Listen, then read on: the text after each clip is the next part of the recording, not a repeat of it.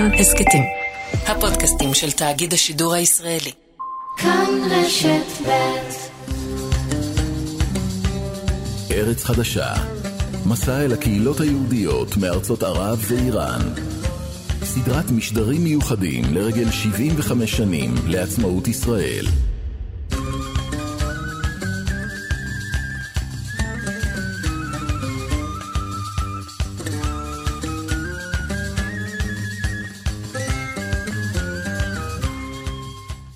שלום לכם, ברוכים הבאים לארץ חדשה. היום אנחנו עם תוכנית מיוחדת על קהילת יהודי איראן.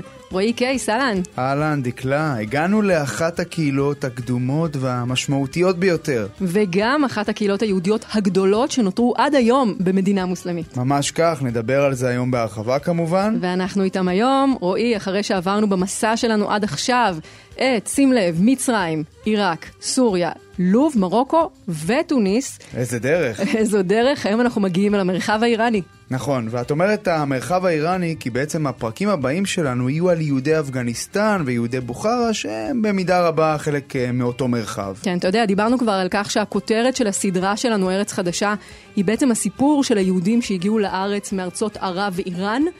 למעשה אולי היינו צריכים להגיד המרחב האיראני. נכון, אז היום אנחנו כאן עם יהודי איראן או יהודי פרס, אנחנו נדבר על איראן שלפני המהפכה האסלאמית ואחריה נגיע לתקופות קדומות גם באיראן. ממש ככה, וגם ניגע במה שקורה שם עכשיו, נדבר גם עם בלוגרית שנמצאת בקשר יומיומי עם איראנים מוסלמים ויהודים.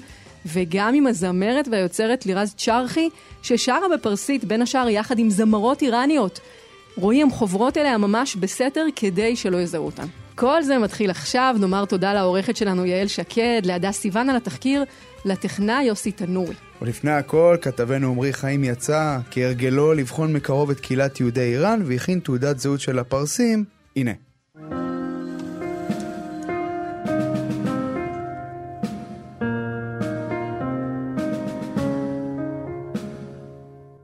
קהילת יהדות איראן, המכונה גם יהדות פרס, קיימת באיראן עד ימינו, היא אחת הקהילות היהודיות הוותיקות שעדיין פועלות בארצות האסלאם.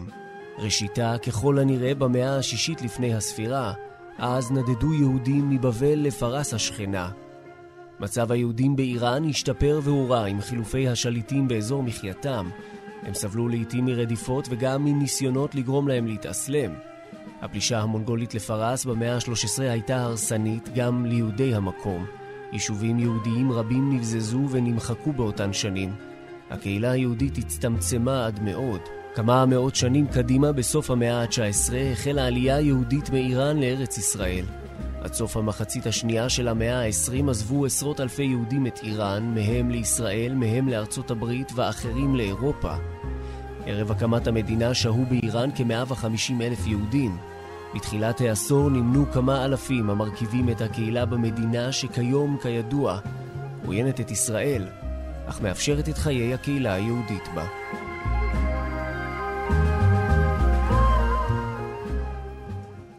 דוקטור מרים נסימוב, שלום. שלום, שלום. חברת סגל בחוג למזרח התיכון ואפריקה באוניברסיטת תל אביב, חוקרת במרכז אליאנס ללימודים איראנים. את נולדת באיראן, ועלית לארץ בשנת 1980. קחי אותנו איתך לאיראן של שנות ה-70. מה את זוכרת מהאווירה ברחוב, מהיחסים עם השכנים? אני נולדתי ועד שהגענו לארץ גרתי בעצם בעיר קטנה. אני לא מהקהילה בטהרן, אלא בעיר קטנה במערב איראן. אני זוכרת יחסי שכנות אה, טובים. אה, אני זוכרת משחקים ב... בסמטה שבו גרנו עם, עם הילדים של השכנים האחרים.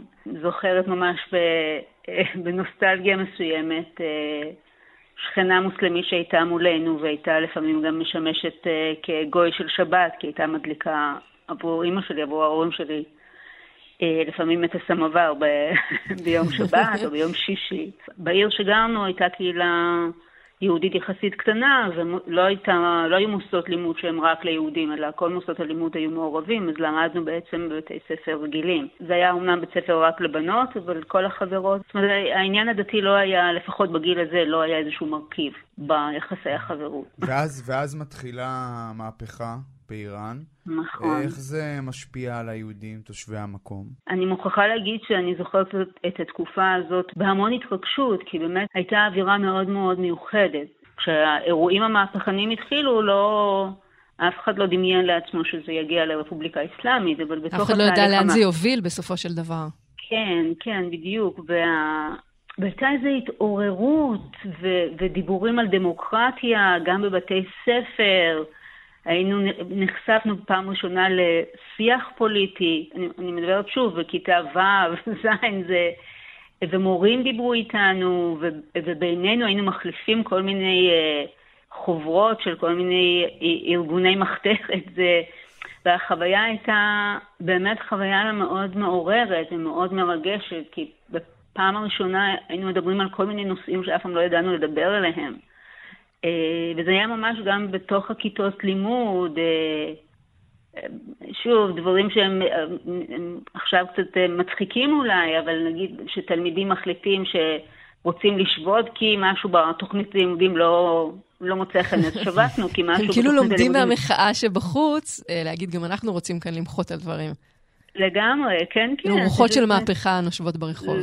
לגמרי, לגמרי. זאת אומרת, שוב, אני, זה, זה הזיכרונות של הילדות, אני חושבת שעבור ההורים שלי, הם ירגישו יותר במתח, זה משהו שקורה שמערער את היציבות. זאת אומרת, אני לא רוצה לצייר תמונה יותר מדי ורודה כן. בעניין.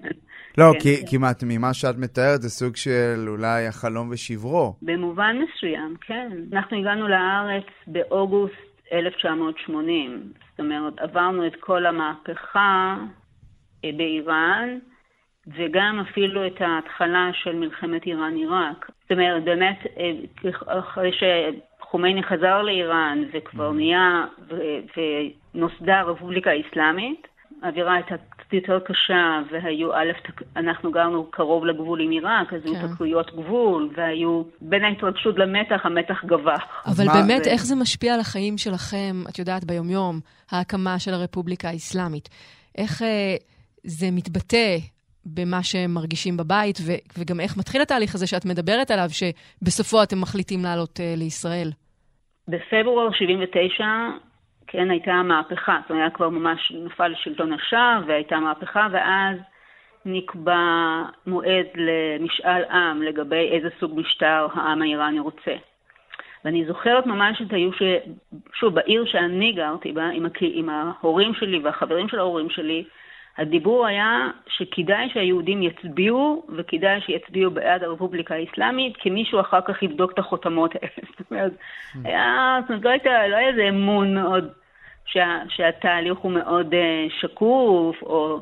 אז היה מין דיבור כזה שצריך ללכת להצביע, היו קלפיות במסגדים, שכולם צריכים ללכת להצביע, וכדאי שהיהודים יצביעו גם נכון, במרכאות, נכון? זאת אומרת, לטובת הרפובליקה. העיקר שיש תהליך אה, בחירות, את יודעת, שאפשר להצביע כן, בו. כן, הרעיון היה חדש, האוויר, במובן הזה היה, הייתה מהפכה במובן העמוק של המילה, במובן ששום דבר לא היה דומה למה שהכרנו, מה שההורים שלי בתור אנשים בוגרים הכירו, אז עבור היהודים כמובן זה עוד יותר, היה צריך להתמודד עם סיטואציה. חדשה, עם כוחות, רוחות חדשים. כן. היו גם כמובן הפגנות, והיו גם אה, פגיעות בחנויות למשקאות אלכוהוליים, ו... אני, אני מדברת במהלך 78, שנת 1978. והיה כבר חשש של התנהלות לא נכונה ברחוב, כי כן היו תופסים אנשים שנתפסו כ... לא יודע מה, השתכרו או משהו כזה, ו- וכן היו, נגיד ברחובות, היו מלקים אנשים. זאת אומרת, הייתה אני מדברת כבר לקראת סוף, וואו. תחילת 79, סוף 78. מרים, קחי, קחי אותנו לרגע שמעשה המשפחה שלך מחליטה, עולים ארצה. הגירה ועלייה לישראל היה תמיד באוויר, עוד, עוד לפני העניינים המהפכניים. המשפחה של אבא שלי, חלק ממנה חיו בארץ, הם עלו בגל העלייה של שנות החמישים. אז העניין הזה של, של להגיע ל, לישראל כן היה תמיד איזה דיבור כזה. ואז כשקרתה המהפכה, אז נורא חיזק את זה, ואז היה ברור כבר שאנחנו לא יכולים לגור בעיר הזאת, כי שוב אמרתי, היו כבר תקריות גבול והיה רעש, ונהיה מצב כזה, חוסר יציבות ו- ואי-ודאות. אז היה ברור שאם אנחנו עוזבים את העיר, יש שתי אפשרויות, או, לה, או להגר לטהרן, זאת אומרת לעבור לעיר הגדולה, או לעבור, או להגר ולעלות לישראל. ובאמת הייתה איזו התלבטות במשך כמה חודשים, אם זה יהיה ככה או ככה, ובסוף אה, ההחלטה של אבא שלי, אה, זאת אומרת, מה שהוא רצה גבר על מה שאימא שלי רצתה, כי היא רצתה להישאר בטהרן והוא רצה להגיע, להגיע לישראל, אז בסוף הגענו, עלינו לישראל. ואיך נראה המסע שלכם לכאן, לישראל? בשלב הזה שדות התעופה באיראן עוד היו פתוחים.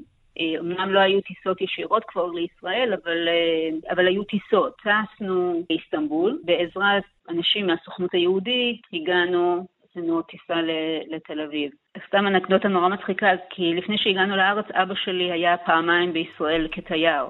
אה, הוא הביא בקבוקים עם, עם חול מ, אה, ממכתש, ממכתשים ב, בים המלח, חול צבעוני חול כזה. חול צבעוני, וואו. כן, כן. עכשיו, אני בתור ילדה הייתי בטוחה שככה זה בישראל. זאת אומרת, כשהגעתי לה, כשהגענו, כשהגענו לארץ ויצאנו משדה התעופה, הייתי נורא מופתעת שזה, שהחול צבעוני. אז... אה, שלא אז... כל מדינת ישראל זרועה בחול צבעוני. אבל את מתארת באמת מערכת של, של ללכת ולבוא, גם הקרובי משפחה שלכם באו לבקר שם? מישראל לאיראן זה לא. לא, לא, אבא שלי... אבל אבא שלך כן בא לארץ וחזר לשם. כן. Mm-hmm. הוא ואני חושבת שהרבה מאוד יהודים כן עשו ביקורים כאלה. לדעתי גם אחותי כשהתחתנה את ירח דבש שלה עשתה בישראל. דוקטור ניסימוב, אנחנו uh, עוצרים איתך עכשיו, נחזור אלייך uh, בהמשך. אנחנו ממש רוצים לשמוע על הקשר שלך עם היהודים שעדיין נמצאים באיראן.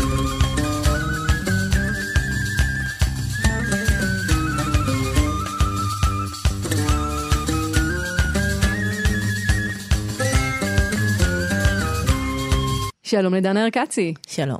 את עובדת איתנו כאן אה, בתאגיד, את מצטרפת אלינו אה, במשדר הזה. תגידי, מה זה אומר מבחינתך להיות ישראלית ממוצא פרסי? טוב, אני מרגישה וחושבת שלהיות ישראלית ממוצא פרסי אומר שהזהות יותר נוכחת, יותר נוכחת במאכלים ובשירה ובמוזיקה והשפה גם. אני יכולה להגיד שאני דוברת את השפה והרבה מבני הדודים שלי גם. זה מאוד משנה לאיזה משפחה נולדת. זאת אומרת, אני חושבת שאי אפשר למצוא את זה בכל משפחה, את החיבור, ואת יודעת עדיין את ההישארות של הסממנים הפרסים, גם היום, גם בדור שלי, בתור צברית. שנולדה בישראל. דיברנו מוקדם יותר על זה שאימא שלך נולדה כאן בארץ ואבא שלך עלה מאיראן. איך ההבדל הזה השפיע עליהם ועליכם? למעשה אני, אני מחלקת את זה לשתי עליות. יש את האנשים שעלו לישראל בשנות ה-50, ה-60, שחוו סיפורים שאנחנו אה, אה, בטח נשמע כאן בהמשך, שהגיעו לכאן, שניסו למחוק להם את הזהות, שהם בעצמם רצו להתנתק מהמוצא שלהם. הם בעצמם רצו להתרחק מהמוצא שלהם, להיות יותר ישראלים, לדבר בעברית, פחות לדבר את השפה אה, בארץ, וזה קצת מאוד דומה לסבא וסבתא שלי שעלו לארץ אה, בשנות ה-50 וה-60, לעומת אבא שלי והמשפחה שלו שעלו אחרי המהפכה, ספגו את התרבות, למדו שם באוניברסיטאות. היום אצל סבתא שלי, למשל, אנחנו uh, צופים בלוויין שקולט תוכניות טלוויזיה.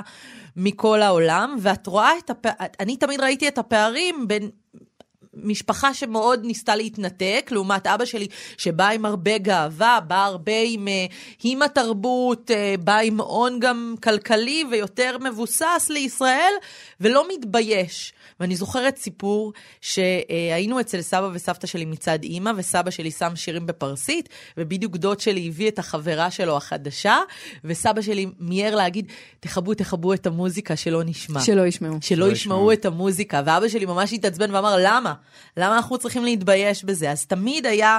את יודעת, את ההבדלים. זאת אומרת, היה את המתח הזה. את המתח הזה, ותמיד היה אפשר לראות את ההבדלים בין שתי העליות, שאומנם זו אותה תרבות, אבל עדיין מאוד שונים. וזה זמן מצוין להגיד שלום לך, אברהם שמאס. שלום לכם ולכל המאזינים. תודה שאתה איתנו. אה, כבוד לי להיות איתכם. תודה, אברהם. תודה. אתה נולדת בשירז בשנות ה-40. תאר לנו איך נראו אז חיי הקהילה היהודית. זאת הייתה תקופת מעבר של הממלכה הפהלווית אחרי אלף שנים של שלטון אסלאמי מאוד מאוד מאוד קיצוני בנוסח דאעש. היהודים, אנחנו חיינו בגטו בשם מחלה, הרובע היהודי. וממנו אסור היה לצאת בלי תיאום עם האנשים. עם מנהיגי הדת. רדיפות היו בכמה אספקטים. באותה תקופה, בתקופת פהלוי, האנטי-יהודיות הממסדית פחתה לגמרי. חוק המדינה אסר להרוג יהודים בשם מצוות אסלאם. כן. לפני זה היהודים היו נטבחים על שמאל ועל ימין, כמו ש... התחקירנים שלכם אה, מצאו את זה. איך היית מתאר את היחסים ביניכם לבין השכנים המוסלמים באותה נקודת זמן? ברוב המקרים האינדיבידואליים זה תלוי באישיות של השכן. היו יחסים אה, קונקרטיים, לא אוכלים אצלהם, הם לא אוכלים אצלנו, אבל מכבדים אחד את השני, הם הולכים ביום שישי למסגד שלהם ואנחנו הולכים בשבת. לבית כנסת שלנו, הם אוכלים את הזבח היהודי הכשר, אנחנו לא אוכלים את הדבר הזה. המוסלמים קראו לנו ניג'ס, זאת אומרת טמא מתים, לא רצו שאנחנו ניגע בהם, או שנעביר את הטומאה שלנו על ידי רטיבות וגשם, ולכן הילדים ואנחנו בבתי ספר היינו צריכים להישאר בכיתה בימי גשם כן, חס ושלום, הטומאה שלנו, יהודים, תעבור, תעבור למוסלמים. לטהרה של המוסלמים. אברהם, ו... אתה בעצם עלית לארץ פעמיים, נכון? כן, לא אני לבד, אלא המשפחה פעם אחת, ואני לבד פעם שנייה. בוא, בוא נתחיל מהפעם הראשונה שבה אתה מגיע לישראל. אנחנו עלינו לישראל מוטיבציה ציוניסטית דתית כצו של התורה לעלות לישראל ולחיות בה. זה היה עלייה לישראל או עלייה לירושלים, כמו שהרבה היו מסתכלים על זה? מבחינתנו ירושלים וישראל היינו הך, בלי ירושלים בנויה, ישראל לא בנויה. ירושלים זה לב העניין, אבל ישראל בקרבת מקדש, הגבולות שנתחמו על ידי הקדוש ברוך הוא בספר התורה, מגבילים וכותבים את הגבולות של ארץ ישראל הקדושה ומשם אה, הפירות החשובים והמעשר החשוב וכל אה, כל הדברים האחרים שקשורים למצוות ארץ ישראל. העם היהודי במשך כל השנים חלם לחזור למולדתו הרוחנית, הדתית, ארץ ישראל, אבל באיראן, בגלל סיבות היסטוריות, יש קסם מיוחד של אהבה בלב אל איראן בחזקת חסד הנעורים של היחסים בין ישראל לבין איראן. כשעלינו לישראל ציפינו שהמצב יהיה הרבה יותר טוב ממה שהיה באיראן. הארץ קדושה, אבל שיטת המנהל ושיטת החיים ושיטת התרבות בישראל נגדה את האמונות העמוקות ביותר של הקהילה הדתית היהודית שבאו מאיראן. אני זוכר שהיינו ילדים קטנים במחנה דוד, שמענו בכי ונהי משכנינו התימנים. למה? כי באמצע הלילה, כשהילדים ישנים, באו אלה אנשים וגזרו להם את הפאות. בלי לתאם עם ההורים, בלי לתאם אישור. ודברים מהנוסח הזה. אז בגלל ההיבטים הדתיים או בגלל הקשיים בישראל החלטתם לחזור לאיראן? אה, הקשיים הפיזיים הוסיפו רובד נוסף.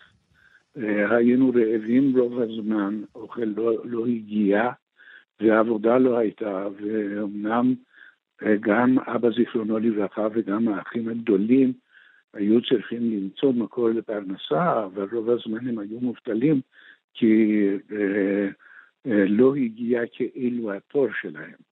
התנאים הפיזיים היו הרבה יותר אה, קשים, משום שמשפחה בת 12 אה, נפשות כמונו, אה, היינו באוהל אחד והשכנינו, ושכנינו שהיו זוג הורים ושני ילדים או ילד וכלב, קיבלו אוהל באותו גודל. אז לא יכולנו לדרוך על האדמה באוהל, כי הכל היה מכוסה במיטות. זה בניגוד לכל האמונות של, שמירה על טהרת המשפחה, שלא מצופפים בנים ובנות באותו בית ובאותן מיטות. אנחנו הבנים היינו צריכים להיות אה, בשיטת סרדין, אה, לישון למעלה ולמטה, אה, כדי שאפשר יהיה ללון שם. אז לנוכח התנאים הקשים האלה, אתם מקבלים את ההחלטה לחזור לאיראן. איך הקהילה היהודית מקבלת אתכם כאשר אתם מגיעים חזרה לשם? רע מאוד. אבא שלי היה מורה וחכם, ולא ציפו ממנו שיעזוב את ארץ ישראל, וכשחזרנו היינו מנודים. אבא שלי, זיכרונו לברכה, היה צריך אה, לעשות מאמצים גדולים לחזור למעמדו שהיה. הוא היה יועץ של הלכה ודינים ומשפטים לרבני שירז. אבל כשחזרנו, אה, הסתכלו עלינו בצורה מאוד מאוד לא נעימה. אבל המטרה הושגה. המוטו שלנו זה המוטו הפרסי של המשורר פרדוסי הגדול במשוררי איראן, שאומר מהריסה עד ערש חפש תבונה ולימוד. איך אומרים את זה בפרסית? זה יעבור את העגור ועונש בהוי. מבחינת היחס שקיבלתם כשעליתם לארץ בפעם השנייה, לעומת הפעם הראשונה, זה היה דומה או שזה היה שונה? הוא היה שונה לחלוטין. אני עליתי לבד. קיבלתי מלגה מציוני טהרן, למדתי מיד באוניברסיטה העברית, תוך דחיית שירות, למדתי מתמטיקה ופיזיקה באוניברסיטה העברית, ולא הרגשתי אישית שום אפליה. אברהם שמאס, מאיראן לישראל, לאיראן לישראל. תודה רבה לך שסיפרת לנו את הסיפור המיוחד שלך. כבוד לי שראיינתם אותי, תודה רבה. ועכשיו אנחנו עוברים לסיפור באמת יוצא דופן. יש בו כדורגל, גאווה לאומית, פחד וגם גיורא שפיגל אחד. אנחנו עכשיו אומרים שלום לך, דיין רחמני. שלום לכם. אני רוצה עכשיו בעזרתך לחזור אחורה במנהרת הזמן. שנה ועוד שנה אחורה ליום הכיפורים, בשנת וואו. 1973. את ילדה וואו. בת שמונה, נכון? נכון. מה נכון. את זוכרת מבית הכנסת בטהרן? אני זוכרת uh, שבאותה שנה, כי הייתי, הייתי לומדת בבית ספר יהודי, בבית ספר אתהד, ושם אה, ילדים אה, יהודים הם אה, מאוד מאוד היו מתגרים אחד לשני, שהשנה אני אעשה, אני אהיה בצום, אני זה, ואותה שנה אני הייתי אומנם ילדה קטנה, ואמרתי לאמא שלי, את יודעת אמא, אני רוצה גם השנה לצום. אז היא אמרה, את יודעת, רצו מעד שעה עשר שכאילו מוצאים את הספר תורה וזה, אמרתי, בסדר.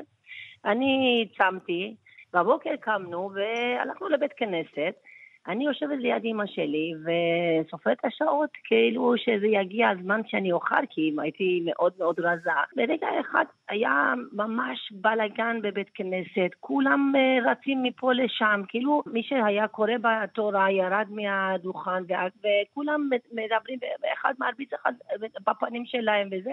לא ואתם מבינים מה קורה? למה אנשים מתנהגים ככה? אני לא ידעתי מה קרה. אני הייתי קטנה והייתי שואלת את אמא שלי, הכל בסדר, הכל בסדר, אבל הייתי רואה את האנשים נשים היו בהיסטרי חבל על הזמן, היסטריה. ובסוף הבנתי שזה באמת התחיל מלחמת אה, אה, יום הכיפורים, זה היה מלחמה שהתחיל, וכולם כאב להם בגלל שכל החיילים היו כאילו בצום, ואיך ייתכן דבר כזה, ומה קורה איתם, ובכלל, אותו רגע שבכלל אני הייתי מתה מרעב, אמא שלי שכחה אותי בכלל, להביא מה לאכול, וכולם היו. ממש המומים ובוכי, בכי והכל. כי הם, נמצאים ו... בטהרן והם דואגים לחיילים הישראלים שתוך מאוד. כדי צום צריכים להילחם. מאוד, מאוד, מאוד, וואו. מאוד. מי שנולד מחוץ לישראל, בגלות, יש אהבת אה, יהודים, אהבת אה, אה, ארץ ישראל, לא יתואר. אני לא יכולה להגיד לך את, ה, את ההרגשה שלנו באותו יום. זה כאילו שאני בתוך המלחמה הזאת. זה כאילו שאימא שלי הרגישה שהילדים שלה בתוך המלחמה, וזה היה מאוד קשה, מאוד קשה, וזה כשאת, כשאת גם רחוקה ואין לך איך לעזור, חוץ מתפילות, חוץ מתפילות שאת יכולה לעשות את זה. ואני זוכרת שרב איראני, איראן הוא פקד על כל היהודים לעשות כיפור קטן. כיפור קטן זה בדיוק כמו כיפור, עושים אותם, אותם דברים, כאילו לצום 24 שעות, בדיוק כמו בכיפור. אני הולכת לבית כנסת, מרימה את הראש, אני רואה כולם אה, מברכים וזה, וכולם, אה, היד שלהם ליד אלוהים, תראה את הילדה הזאת, רק תרחם בשביל, היה, בגלל הילדה הזאת תרחם על החיילים שלנו שינצחו וזה. אני חושבת שהיה לי איזשהו חלק טוב בהצלחה שלהם אה, ביום הכיפורים. דיינה, בואי נדבר על אירוע מכונן אחר שהיה עוד לפני מלחמת יום הכיפורים. רק אני אומר את המשפט הזה ואני מקבל צמרמורת, נבחרת ישראל מגיעה לשחק באיראן. זה נשמע בלתי נתפס היום. וואו, תקשיבו, תקשיבו טוב, אני לא יודעת איך להגיד לכם את ההרגשה הזאת שיש, היה לי עכשיו, משפט לכם, אני עכשיו, שאתה אמרת את זה, אני כולי צמרמורת, כולי צמרמורת. למה? כי היה לנו, כאילו, מה, מגיעים מארץ הקודש, לאיראן, לשחק מול נבחרת איראן, והיה וואו, כאילו אנחנו רואים אותם. אה, והיה לנו מה זה שמחה. השמחה אה, היה, הייתה מהולה בכאב ובפחד. למרות שעכשיו אמרתי לכם שזה היה זמן של שאה, ואנשים לא היו כאילו אה, נגד יהודים, אבל נבחרת ישראל יגיע לאיראן, ואם במקרה ינצח, זה אחד מהדברים אה, אה, הכי אומללים לנבחרת איראן.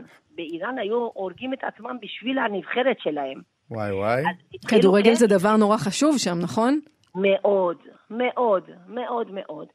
אז uh, כשהיה שמועות, שמועות שהם מגיעים לזה, ואנחנו מה זה שמחנו, ופתאום אנחנו, כמה, כמה שזה מתקרב היום של, ה, של ה, uh, זה משחק, אמ, אלה שהיו מסביר פנים והשכנים הכי טובים שלנו, פתאום הילדים, הבנים שלהם, תקשיבו לי טוב, אם נבחרת ישראל ינצח, לא, לא תחיו אתם. וואו. אתם וואי, וואי, וואי.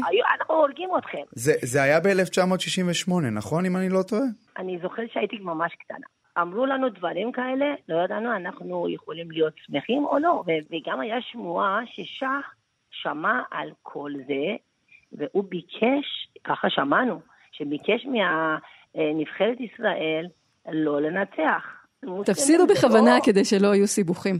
דיינה, בואי אה, נשמע עכשיו כיצד גיורא שפיגל האחד והיחיד, שחקן הכדורגל המיתולוגי, במיוחד עבורנו, לרגל המשדר הזה, מתאר את המשחק הזה, ובואי כבר נספר שנבחרת ישראל, ספוילר, נבחרת ישראל לא כל כך הקשיבה על הקטע הזה של אל תנצחו. לפחות בהתחלה. לפחות בהתחלה. גיורא שפיגל מספר כיצד הוא מבקיע שער על אדמת איראן. באיצטדיון מול 50 אלף איראנים, ואני מניח שגם היו מעט אה, יהודים שבאו למשחק.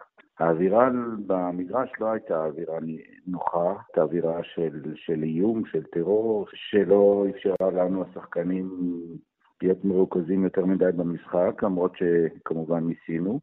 הבנו מה, מהקהילה היהודית, אנשים סיפרו לנו שעדיף בשבילנו לא לנצח, כי אחרת אה, המצב לא יהיה טוב. כנראה שהאיראנים לא התייחסו יפה ליהודים הקבוצה שלהם הייתה מפסידה, זה היה בוודאי אה, משהו יותר גרוע ממה שעד עכשיו, אה, למרות שברוב המקרים אה, הקהילה היהודית הייתה די נינוחה באיראן, ואמרה שבסך הכל החיים שם בסדר ומתנהגים אליהם יפה. אבל אנחנו הרגשנו אווירה של איום וטרור.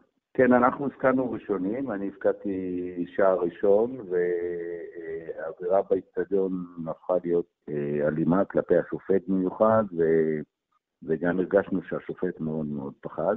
האמת ששיחקנו עד הסוף בלי לחשוב שאנחנו חייבים להפסיד את המשחק, אבל הפסדנו אותו 2-1 משערים הזויים שהשופט אישר מפחד כנראה, כך שהכל בא על מקומו בשלום, אנחנו הפסדנו, והיהודים בטהרן ניצלו ולא ספגו, לא ספגו מהלומות, אנחנו היינו קצת אה, מבוהלים בדרך חזרה למלון, וגם לאחר מכן במלון בין היינו סגורים, לא יצאנו יותר מדי לרחובות, מכיוון שהייתה אווירה של אה, פסטיבל בטהרן, אה, נסעו ברכבים וירו באוויר, והיה קרנבל עבורם, אבל אותנו זה קצת הפחיד.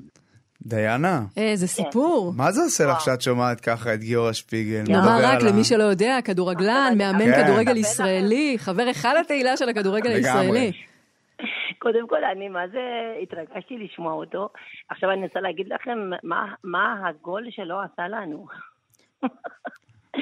אנחנו היינו אותו, אותו ערב, אה, נראה לי שכמו ליל הכיפורים בישראל, שאף אחד לא ברחובות, כאילו זה, אף אחד לא היה ברחוב. אנחנו, למזלנו, ישבנו בחדר פנימי וראינו את, ה, את הכדורגל. כולם צופים במשחק.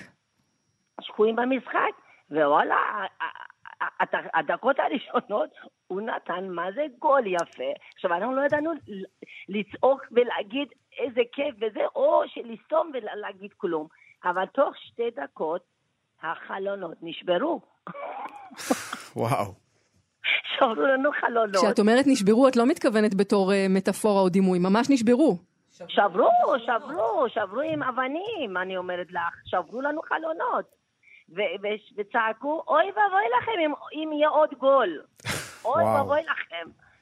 זה תג מחיר מאוד מאוד מהיר, צריך להגיד. בדיוק, זה היה ממש אותו רגע, ברגע שהיה, זה היה הדבר, ובאמת באמת התפללנו שלא ינצחו. התפללנו. עד כדי כך. להם. הם, אתה, אתה רואה שההרגשה שלהם גם לא היה נעימה, כמעט הם נכנסו בתוך המגרש כל החמישים אלף הזה. זה היה מאוד מפחיד, מאוד מפחיד. תודה לאל, עבר בשלום. עבר בשלום כי נבחרת אה, ישראל הפסידה, צריך נכון. להגיד בסופו של דבר.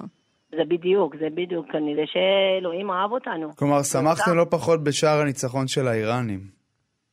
לא, אני, אני שמחתי את, את, את הגול של שפיגל, שפיגלר, וזהו. זה, וזה כבר לא היה לי חשוב לי. חשוב לי, הייתי, הייתי פוחדת. הייתי קטנה, הייתי רואה את הפחד גם ב, ב, במשפחה. את יודעת, זה מעניין, דיינה, כי אנחנו מדברים על כדורגל, אבל בעצם אנחנו מדברים על סיפור שמגלם בתוכו הרבה יותר מספורט. הסיפור הזה מתרחש שנה אחרי מלחמת ששת הימים, והתבוסה של מדינות ערב. למרות שצריך גם להגיד כאן שכמו שאמרת, בניגוד לרבות מהמדינות האסלאמיות, איראן טיפחה אז ברית שקטה עם ישראל באותם שנים. נכון, כל הזמן, כל הזמן, נכון. אבל אולי בגלל שכאילו, בכל זאת מה שלא יהיה, הם, הם, תראי, אני אומרת לך על זה שכאילו היה לנו באמת אה, הרמוניה עם המוסלמים, אבל אה, בואי לא, בואי לא נשכח את זה שכל הזמן אנחנו היינו בעיניהם ג'וד מלוכלך. כאילו, זה לא אהבה מבבת ראשון ולבוא ולחבק אותנו. דיינה רחמני, תודה כן. רבה לך על השיחה הזאת, ואת יודעת מי ייתן, שנראה הזה. אולי עוד פעם את נבחרת ישראל מול נבחרת איראן. אני מנסה לחשוב מתי בנקודת זמן עתידית באמת יהיה משחק כזה, אתה יודע, של ישראל נגד איראן. אני מקווה, אני, אני בטוח קונה כרטיס. תודה רבה לכם, תודה. שלום לשאין אליה כמאל, סופרת. שלום וברכה. מקווה שהגיתי את השם אה, בסדר. בתוספת זכאים. מחבר את הספר אה, דרך אל חזור, צריך להגיד. אה, שהנה, אני רוצה לשאול אותך, עד איזה גיל היית באיראן ומתי אתם מחליטים לברוח משם, את והמשפחה שלך? אני הייתי בת 26 שיצאנו מאיראן, אחרי הלימודים האקדמיים. כלומר די אה, בוגרת. זה היה ב...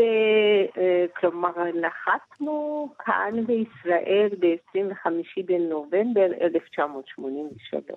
זאת הייתה אה, עלייה, כלומר, לא, לא רגילה ולא פשוטה. זה היה... אנחנו למעשה יצאנו מ... איראן ב-24 לספטמבר 1983, ולאחר חודשיים דרך קשה ומלאה ותלאות וידע. שהנה, אנחנו צריכים להגיד בנקודת הזמן הזאת, אנחנו מדברים על בריחה מאיראן בימים של משטר אסלאמי קיצוני שאוסר לצאת מהמדינה, מחרים כספים, נכון. נכסים, איך, איך עושים את זה? תראי, המלחמה התחילה בספטמבר 1980. כמה שהמצב היה קשה, הוא בא בעת הפך להיות יותר קשה. זאת הייתה גם מלחמה, ואנחנו רק לפני שנה וחצי לפני כן הייתה ההפיכה, אה, השלטון האייתולות שעלו לשלטון. אה, וזמן קצר... את מדברת על מלחמת איראן-עיראק. כן, נכון. אה, זמן קצר לאחר פרוץ המלחמה, אה, הממשלה אסרה על כל אזרח איראני יציאה מאיראן. הידיעה הזאת היא לא הייתה רק למיעוטים, אלא כל אזרח איראני היה לו אסור לצאת מאיראן. וכמובן הידיעה הזאת הכניסה ללחץ בטח את הרבה מאוד אה, אזרחים, וביניהם גם הבהאים וגם היהודים.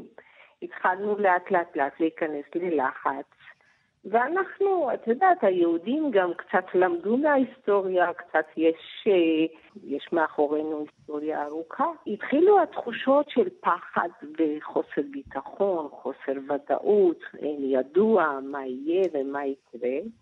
ולאט לאט שמענו שחלק מהאנשים אה, מחפשים דרכים לברוח. מהגבולות. את זוכרת את הבוקר שאת מתעוררת ואת יודעת שזה היום האחרון שאת נמצאת בו באיראן? בוודאי. ספרי לנו מה היה באותו יום. זה היה יום שבת, ולנו היו כרטיסים, כלומר יום לפני כן נסענו לטרמינל וקנינו כרטיסים, היעד היה אורומיה. אני אציין שהעיר אורומיה היא נמצאת במחוז אזרבייג'אן, כלומר בצפון מערב של המדינה, שהעיר הזאת היא מאוד מאוד קרובה לגבול, לגבול עם טורקיה. אז אנחנו ידענו שאנחנו בורחים משם, כלומר אה, כבר ההכנות התחילו הרבה לפני כן. ממה שאני הבנתי, למעשה קו השבר של היהודים בטהרן בהחלטה לברוח לישראל אחרי המהפכה, התחילה עם ההוצאה להורג של איש העסקים וראש הקהילה היהודית חביב אלרניאן. הוא נחשד בחשד לשיתוף פעולה עם הציונים. אני יכולה לומר שכאן בעצם זאת הייתה הנקודה שנכון, האסימון נפל. היהודים התחילו להבין שמשהו הולך לקרות ומשהו לא בסדר, וכן, שם באמת התחילו להרגיש לאט לאט לא בטוחים. והתחילו לחשוב באמת על, ה, על הבריחה. הביד אלקניאן יצא להורג באביב שנת 1979. בכל שנת 1979 עדיין אזרחי איראן יכלו לצאת מאיראן. כשהתחילה המלחמה בספטמבר 1980, חודש, חודשיים לאחר מכן כבר היה אסור. ואז הפחד התגבר, והחשד וחוסר ביטחון והבריחה, כפי שאנחנו יודעים, רבים מאזרחי איראן הם ברחו, ביניהם גם בהאים והיהודים. חלק מהמשפחה שלי אז כבר היה בישראל, כלומר שני אחים ושתי אחיות שלי הם, הם חיו בישראל. נשארנו הוריי שהיו כבר די מבוגרים, אני ואחי הצעיר. אז כשהתחילה המלחמה, בהתחלה היינו שומעים פה ושם שחלק באמת מצליחים לעבור את הגבול ומגיעים, אבל גם שמענו שגם חלק נתפסו. שמענו שגורמים בישראל מסייעים לאותן משפחות שמתכוונות לברוח, ואחר שנודע לי שזה נכון, ואז ביקשתי מה, מהאחיות, אחים, שיבררו וירשמו אותנו. אחרי שכמובן שכנעתי, הצלחתי לשכנע סוף סוף את הוריי, ואז כאן בעצם רשמו אותנו, מה שנקרא, נכנסנו לרשימה כאן. איך עושים את זה? תראי, הנציג של המוסד פעם בחודש היה מצלצל אלינו ומתעדכן בקצב ההתקדמות שלנו. בסיטואציה כזאת יש הרבה מאוד אתגרים ויש הרבה בעיות, כמו למכור את הבית, כמו לסגור את העסק של אבי, וצריך גם לתכנן את הבריחה. סביבות החודש אוגוסט-ספטמבר, הנציג צלצל ואמר תקבלי טלפון, הוא התכוון למבריח. יום אחד הוא צלצל, נפגשתי אותו באיזה חנות מיצים במרכז טהרן, הבאתי אותו הביתה, ושם הוא התחיל להסביר שאיך אנחנו מבצעים, איך אנחנו מתקדמים. עומד אצלכם בבית בעצם מבריח, כן. שמספר לכם איך אתם הולכים לברוח מאיראן. כן, נכון. ומתי נכון, זה הולך כלומר, לקרות? אנחנו, אנחנו, הוא הסביר לנו, הוא בסך הכל יומיים שלושה ימים הוא היה אצלנו. כלומר, מאותו יום שפגשתי אותו, הבאתי אותו הביתה, יומיים לאחר מכן אנחנו כבר נסענו לכיוון העיר אורומיה, העיר הגבולי, ליד הגבול. קנינו כרטיסים למוכר. הוא הסביר לנו שאנחנו נגיע לאחד האכסניות או בתי מלון במרכז העיר, ושם, משם הוא יגיד לנו מה, מה הלאה. וזהו, ב- באותו יום שבת. כמובן שלפני כן הוסבר לנו שנשים חייבות לעטות חיג'אב, זאת אומרת, את ואימא שלך חייבות להתחפש לאישה מוסלמית. ותפרנו באמת חיג'אב, ולקחנו תיקים כאילו אנחנו נוסעים לאיזה נופש של שלושה ארבעה ימים, והיו גם פה ושם באמצע תקלות, שהמבריח הוא סירב לקחת מאיתנו את הדרכונים ו, אה, ואת הכספים, כפי שהובטח לנו לפני כן שכל זה יהיה אצל המבריח. ולכן גם ניצלנו ממש בנס מהחקירה של משמרות המהפכה באוטובוס. מה ומה קורה מה היה? בדרך בעצם? תראה, הוא, הוא סירב לקחת את הדרכונים ואת ה, את הכספים. היו המון כספים, עבור כל אחד מאיתנו דרשו 5,000 דולר, ועוד 2,000 דולר הוצאות הדרך. אז 7,000 דולר כפול 4. בדרך, אחרי שאתם אה, יוצאים, נתקלים בבעיה עם המבריח, מתגברים עליה, מה קורה במסע הארוך הזה בדרך לארץ? כן, תראי, הגענו לעיר הגבולית שהיא נקראת רזאיה או אורומיה. שם המבריח העביר אותנו לשני אנשים אחרים. שם הוא עזב אותנו והעביר אותנו לשני מבריחים אחרים והתחלנו באמת את המסע באיזה לילה חשוך. ומצאנו את עצמנו, ארבעתנו, מול הרים ענקים מפלצתיים שאנחנו צריכים לטפס עליהם עם סוס. לא הייתה כל ברירה אחרת, לא הייתה דרך חזרה. ולכן לאט לאט לאט התחלנו לעודד את עצמנו, שזה בסך הכל שעתיים, כפי שהבטח לנו, וזה ממש לא היה שעתיים. כמה יום זמן זה לקח? שלושה ימים בלב ההרים, בקור המקפיא של ההרים, בלי אוכל ובלי מים. כי השניים היו חדשים וחסרי ניסיון, הלכנו לאיבוד בהרים. למעשה התוכנית המקורית הייתה אה, כל ארבע, חמש שעות לעצור באחד הכפרים, לחדש כוחות ולהמשיך, אבל ממש לא היה ככה. הלכנו לאיבוד, כפי שאמרתי, בהרים, ויום לאחר יום ולילות. ממש ככה ב- ב- בעליות המפלצתיות ובירידות הנוראיות. עברנו הרבה ניסים, ואחרי שלושה ימים הגענו לאיפשהו שקשה לי אפילו להגדיר את זה ככפר, איזה עשרה בתים מ- בלב ההרים מבוץ ותש. שם גם השניים, גם הם עזבו אותנו. בהתחלה חשבנו שטוב, לפחות עברנו את הגבול, אבל לאחר מכן התברר לנו שאנחנו עדיין נמצאים על אדמת איראן. אחרי כל זה אתם עדיין באיראן. כן. זו תחושה מייאשת? מה, מה, מה מרגישים ברגעים האלה? זה, זה קשה להסביר, פשוט קשה להסביר. זה היה מלווה, ב- תראי, הרבה, אה, הוריי בכלל, אני עד היום, כשאני קוראת ממש, אני מתפלאה, הם, הם אנשים מאוד מאוד אופטימיים. אבי כל הדרך התפלל בשקט ממש. ואחד חיזק את השני, כי לא הייתה כל ברירה אחרת. זאת הייתה מלחמת הישרדות, להישאר בחיים או לא. וואו. זה הכל. מדהים. אז אתם מרימים את הראש ומתקדמים קדימה, ומה? לאן? כן, ושם כבר ב- שילמנו עוד אה, כסף לבעל הבית שם, שהוא יעזור לנו לעבור את הגבול, ואחר כך מקסימום אנחנו נכנע למשטרת טורקיה. אז הוא יחד איתו גם כן, זה סיפור שוב ארוך, הוא, הוא הפריד בינינו, אני ואימי, הוא העביר, התחפשנו לנשים כורדיות ובמשאית הוא העביר אותנו, עברנו את הגבול כאשר אבי ואבי עוד פעם עם סוס בהרים, הוא הבטיח לנו שלמחרת אנחנו נפגשים איתו, אבל הוא שיקר לנו, איבדנו את אבי ואחי.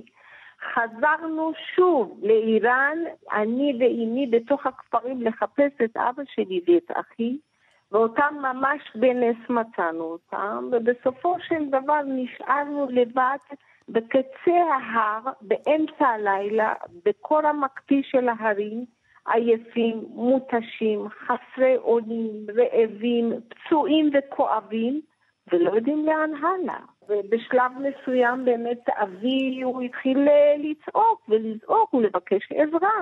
וכבר היינו בשלב שכנראה ממש היינו על, קו הגבול, ושמענו מרחוק איזה שמיעה, איזה קולות של החיילים הטורקים שעוצרים אותנו. כלומר, מ, מרחוק הם אה, אה, השתמשו במילה דור. המילה דור בטורקית פירוש המילה עצור. והפלתי אני ואימא שלי, התחלנו לבכות כדי שהם לא יראו בנו, בדרך כלל לנשים הם לא יורים.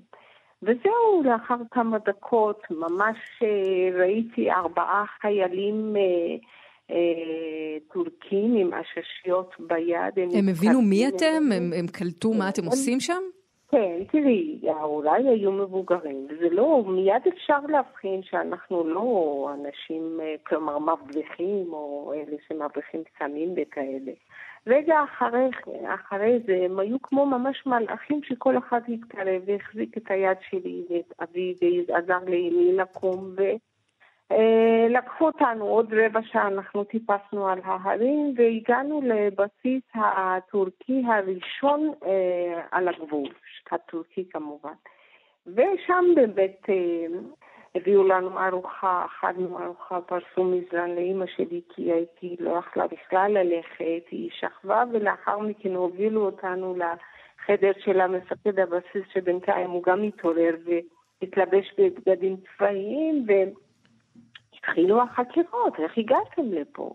ואני מיד אמרתי שאנחנו יהודים וכל המטרה שלנו לעבור את הגבול ולהגיע לישראל. רק אחרי 12 ימים הצלחתי לצלצל למשפחה ולהודיע שאנחנו בכלל חיים. אחרי חודש וחצי הגיע אישור ממשטרת טורקיה, וכפי שאמרתי, ב-25 לנובמבר, לאחר 63 ימים, ראינו את דרכנו לישראל. כן. שאם תשמעי, הסיפור שלכם זה פשוט אודיסאה איראנית, אני חושבת שזאת ההגדרה.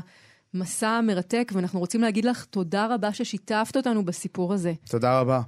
תודה. בשמחה, חג שמח. תודה, שיין. חג שמח. ואנחנו מסיימים כאן שעה ראשונה של ארץ חדשה. כולנו כאן באולפן חוזרים אליכם מיד לאחר החדשות.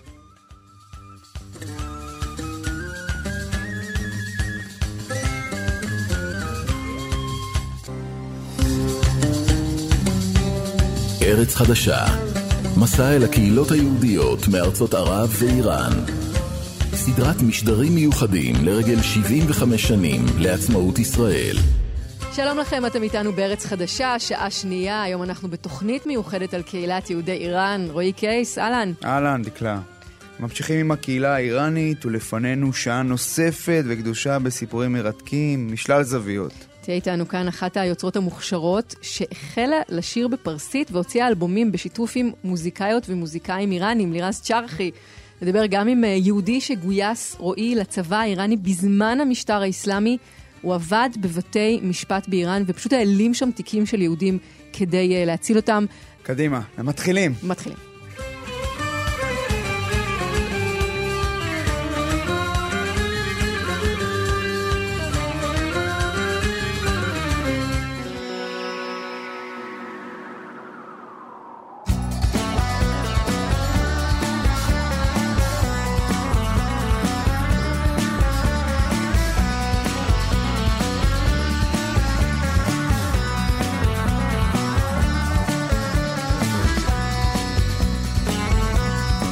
שלום ללירז צ'רחי.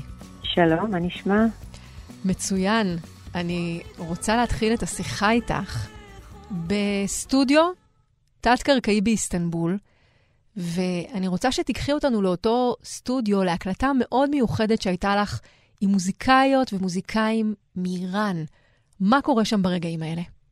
וואו, את, את, את, את הלכת מהסוף להתחלה. מתחילים בתמונה. אה, מתחילים בתמונה, אה, באמת אה, אלבום שלישי בפרסית, בו אני יוצרת בפעם השנייה עם אומנים ואומניות מאיראן. האלבום הקודם היה באמת שיתוף פעולה שנעשה אונליין, סטודיו באיראן וסטודיו בישראל, ובאלבום הזה נפגשנו בעצם באופן מאוד מחתרתי ו... אה, מרגש, מפחיד, מבעית ומקסים בסטודיו תת-קרקעי באיסטנבול. עשרה ימים של הקלטות live, זה אלבום שקוראים לו רויה, שמו כן הוא פנטזיה, חלום, והיה מאוד מאוד מאוד מעניין לפגוש את הנשים והגברים בעצם פנים על פנים וליצור, היה מאוד מפחיד, אבל ברגע שהתחלנו להקליט והדלתות נסגרו והפחד נעלם, הייתה יצירה מופלאה וכיף מאוד גדול. למה היה מפחיד? Uh, מכיוון שלישראלים ולאיראנים אסור להיפגש, מכיוון שהם הגיעו לאיסטנבול בחשאי. הייתי צריכה uh, ממש לזכור חברת הפקה טורקית שתטיס אותם. Uh, היו המון חששות מצידם להגיע ולפגוש אותנו, אותי ואת הלהקה הישראלית. Uh, על אף האהבה והעבודה המשותפת ביחד, היא קרתה לא פיזית, זה עדיין היה מסוכן להקליט את זה אונליין לפני כמה שנים, אבל הפעם, כשזה באמת היה, אה, כמו שאומרים, real time, face to face. פנים אל פנים ממש. ממש, פנים אל פנים, וכולל חיבוקים ו- והרבה אהבה. זה מפחיד, כי אין חזור מהמקום הזה שבו אולי הם ייתפסו. מה שהיה ברור לכולנו זה שאם הצד האיראני יבין שיש את השיתוף הפעולה הזה והוא קורה, אה, יהיה להם קשה לחזור אה, לאיראן. אה, היה המון המון מה להפסיד, ואני קוראת לזה פחד פינת אושר, hmm. כי הרחוב הזה שהקלטנו בו היה באמת מרגש, האולפן היה מרגש, הצוות, ומאוד מאוד פחדנו שזה ידלוף החוצה. כמו שאת מבינה, שום סטורי לא, לא עלה לאוויר בשום רגע מהעשרה ימים המופלאים האלה. זהו, אבל זה אומר בעצם שגם עכשיו, בעצם את לא יכולה לומר או לחשוף את הזהות של אותם מוזיקאיות לא. ומוזיקאים. זה היה ברור לנו שהם והן יישארו אנונימיים ואנונימיות. Uh, המטרה של האלבום הזה הוא לעשות מוזיקה, uh, ובמקביל להביא מסר, לבנות את הגשר, להסביר כמה איראן וישראל הן באמת אה, מדינות אוהבות. אה, על אף הפוליטיקה והאיומים והחדשות הנוראיות שמגיעות כל יום מכל צד, זה לא קשור למציאות. המציאות היא שאנחנו מאוד סקרנים לפגוש אחד את השנייה, ליצור, לדבר, אה, לחזור למערכת יחסים שהייתה פעם. יש המון המון עניין, בעיקר במקום האומנותי, לעשות את השיתוף פעולה הזה, כל פעם ששאלנו את עצמנו למה אנחנו עושים את זה, הבנו שאנחנו עושים משהו חשוב, כי יש פה מסר מאוד מאוד ברור, והמסר באמת עבר, והשירים האלה מתנגדים, מתנגנים אה, בכל אירופה, בתחנות רדיו הכי מדהימות שיש. יש תמיכה מטורפת, יש הופעות וטורים והצלחה מאוד מאוד טובה עם המוזיקה שיצרנו יחד. מדהים, איך נוצר הקשר בינך לבין אותם מוזיקאים? כשהקלטתי את האלבום הראשון שלי בפרסית, נאז, הוא היה בעצם אה, בהשראת הזמרות שהשתיקו את קולן אה, כשפרצה המהפכה האסלאמית ב-79 באיראן. ומאז אה, כל השנים האלה, עד היום, לאישה באיראן אסור לעשות את הדבר הכי פשוט ומקסים שיש, והוא לשיר. העובדה הזאת שברה לי את הלב, לכן האלבום הראשון הוא היה בהשראתן ולכבודן. והבאתי את האלבום ממקום שהוא השכבות שלי. אני לא נשמעת אה, זמרת פרסייה פר אקסלנס, ואני גם לא מתיימרת, mm. ואני לא יודעת איך זה הגיע לאיראן, אני רק יודעת שזה תפס שם, שזה קרה. והתחילו להשמיע אותי בכל מיני מועדוני מחתרת ומסיבות אה, של נשים אה, מדהימות, ומשם הגיעה העצמה נשית אליי בחזרה, משם יצרתי שני אלבומים ביחד איתם. הקשר היה מאוד מהיר, את יודעת, like sister from another mister, כל אחת אחות בלב, החיים שלהם, אם את נכנסת ל, ל, לרשת החברתית שלהם, הם ממש ממש דומים לחיים שלנו. אה, תל אביב, טהרן זה לא משהו שנראה שונה. זה, זה ממש חזק מה שאת מתארת, ואני חושבת על זה שהאלבום השני של החזן, שזה בעצם אישה, נכון? נשים נכון. בפרסית, הוא נשמע. מאוד אקטואלי בשנה האחרונה עם המחאה האמיצה של המפגינים, ובפרט המפגינות שם. נכון. כל האלבום הוא שירי מחאה אה, להעצמה נשית, לרוץ ברחובות, להוריד את החיג'אב, להניף אותו אל על, לשיר, לרקוד, לשמוח. המופע שלי באופן כללי הוא עם שירים מאוד, עם טקסטים מאוד קשים, אבל המוזיקה היא מאוד רקידה וכיפית. אז יש מחאה, האוקסימורון הזה בעצמו הוא מחאתי. הם מאוד התחברו לזה, וכשרויה יצא אה, באוקטובר האחרון, בדיוק פרצו המהפכות באיראן, וגם שירים מאלבום אה, זן וגם שירים מאלבום רויה, שהם אלבום שותף שלנו, התנגנו שם אה, והיו פסי קול להמון המון סרטונים מאוד מאוד קשוחים של המחאה. אז מצד אחד זה מאוד מרגש, מצד שני זה מאוד מבהיל, ועדיין נותן המון תקווה שמשהו ישתנה שם בקרוב. את יודעת, אבל ב... כלומר, בחודשים האחרונים יש איזו תחושה שיש קצת דעיכה במחאה הזאת, אה, שהיא גם, כמו שאמרת, האלמנט הנשי בה הוא מאוד מרכזי, ואני שואל אותך, עד כמה את אופטימית שבאמת משהו ישתנה, ואת יודעת, יום יבוא ואולי את, אה, מה שנקרא, תקליטי אלבום לא באיסטנבול, אלא בטהרן. הלוואי. היום הזה קרוב, שתדע לך, אני מאוד מאוד אופטימית. אם כתבתי לפני כל כך הרבה שנים, ואני כבר עוקבת 15 שנה על נשים שעושות... Uh, מחאות ברחובות בתחנת רכבת מורידות את החיג'אב שלהם, אז, אז, אז, וזה קרוב וזה קורה. אני כותבת על זה שאני מאמינה בנשים, הגורד פריד, הסופר ווימן האיראניות, שהן אלה שעשו את המהפכה. אין ספק שזה קרוב. כן, זה קצת דעך, אבל זה במרכאות, כי כרגע נשים באיראן אה, מותר ללכת בלי החיג'אב, שזה דבר מאוד גדול מצד אחד, ומאוד זה מהפך מאוד מאוד גדול, מהפך נשי מאוד גדול, ומצד שני, אני, אני מניחה שנותנים להן ללכת עם החיג'אב כדי להשתיק שנייה את, ה, את הרעש של המלחמה הזאת. אני מרגישה בכל רמה חבריי שזה הולך לקרות בקרוב, שאיראן תשתחרר, ויהיו הופעות משותפות שלנו גם בישראל וגם באיראן. נירה, אז את מדברת על אה, טהרן ותל אביב.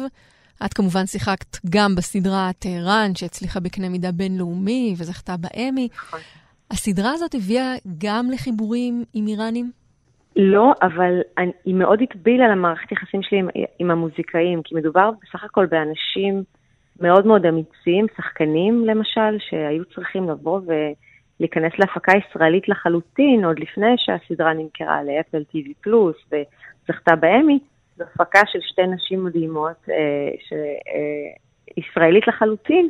הידיעה שהם צריכים לעבוד בתוך הפקה ישראלית, זו החלטה מאוד רצינית של לא להיכנס לאיראן בחזרה, כי הם כבר מסומנים. אז מדובר על אנשים מאוד אמיצים, שווה ערך לאנשים אמיצים שהגיעו להקליט איתי את האלבום. אנשים מאוד מעניינים, אה, בעיקר התרגשתי לראות אנשים מאיראן, על אמת, ולאכול איתם בחדר אוכל של הבקסטייג' ולשיר איתם מסביב לתנור, כי היה קפוא שם באתונה כשצילמנו. דברים קזואליים, דברים כן. יומיומיים כאלה. יומיומיים, שאנשים עושים אחד עם השני. והם לקחו אותי למקולות האיראניות שבאתונה, והבאתי מלא אוכל וממתקים להורים שלי, ממתקים של הילדות. הרבה דברים מאוד מאוד, כאילו, כביכול טריוויאליים, אבל מרגשים והופכים את הלב. מה זה עושה לך כשאת רואה את, החיים של הקהילה היהודית, שאנחנו יודעים שמה לעשות, היא מה שנקרא, אה, צריכה להיות כפופה למה שאומר השלטון. יצא לי להופיע במשרד החוץ לפני כמה חודשים, וניהלתי שיחה מאוד מעניינת עם אה, אה, כמה נשים שהן, זה הדבר שלהן, שהן עובדות שם. אמרו לי שיש קהילה של כמה אלפים, והופתעתי מאוד מאוד לדעת ולהבין, וזה באמת קצת, חייבת להגיד, דפק לי קצת את המוח. הנשים הולכות לבית הכנסת עם חיג'אב. רק התמונה של לראות אישה יוצאת עם חיג'אב מהבית, איזה חיבור, הכנסת, זה דבר מטורף. אני לא מצליחה להבין את זה, לא יוצא לי מהראש.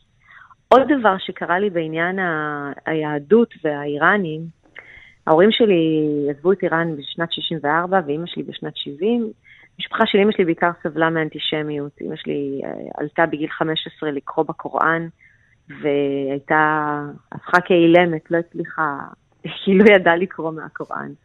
ואז הזמינו את ההורים שלה לבית הספר, והם התוודו שהם יהודים, והתחילו הערות אנטישמיות, וזה היה הקש ששבר את גב הגמל, ואימא שלי והמשפחה שלה עלו ארצה. הסיפור הזה צרוב לי בלב, ועוד הרבה סיפורים שקשורים לאנטישמיות. לפני שנה בדיוק, אה, אפילו קצת פחות, סליחה, ביולי שעבר, הופעתי בקרקו בפסטיבל פסטיבל מוזיקה יהודי. פסטיבל יהודי, ובגלל שזה היה אפטר קורונה, פתחו את בית הכנסת העתיק, ושם הופענו. אני ושלוש חברות שלי מאיראן, שהן מכוסות פנים, אנונימיות לחלוטין, ואיך שאני מתחילה לשיר, אני מבינה שאני ניצחתי ניצחון ענק בשביל המשפחה של ההורים שלי, בשביל המשפחות שלהם שסבלו שם אנטישמיות. אני שרה בפרסית עם אומניות מאיראן, בבית כנסת יהודי, וואו. ואף אחד לא מדבר על שום דת ועל שום דבר שקשור להבדיל בינינו לבינם. וזה היה ניצחון באמת מרגש ו... לירז, איזה שיר שלך נשמע? הייתי משמיעה את uh, זן בזן, איזה שיר מחאה שמבקש מנשים פשוט לצאת לרחובות, לרקוד ולשיר. אז אנחנו גם נבקש מאנשים ששומעות לצאת לרחובות, לרקוד ולשיר, וגם כאמור, אנשים באיראן. זן זנדגי הזודי, אישה, חיים, חופש. לירז צ'רחי, תודה רבה שדיברת איתנו. תודה רבה לך, תודה. תודה לכם, היה לי תענוג, תודה רבה. תודה רבה.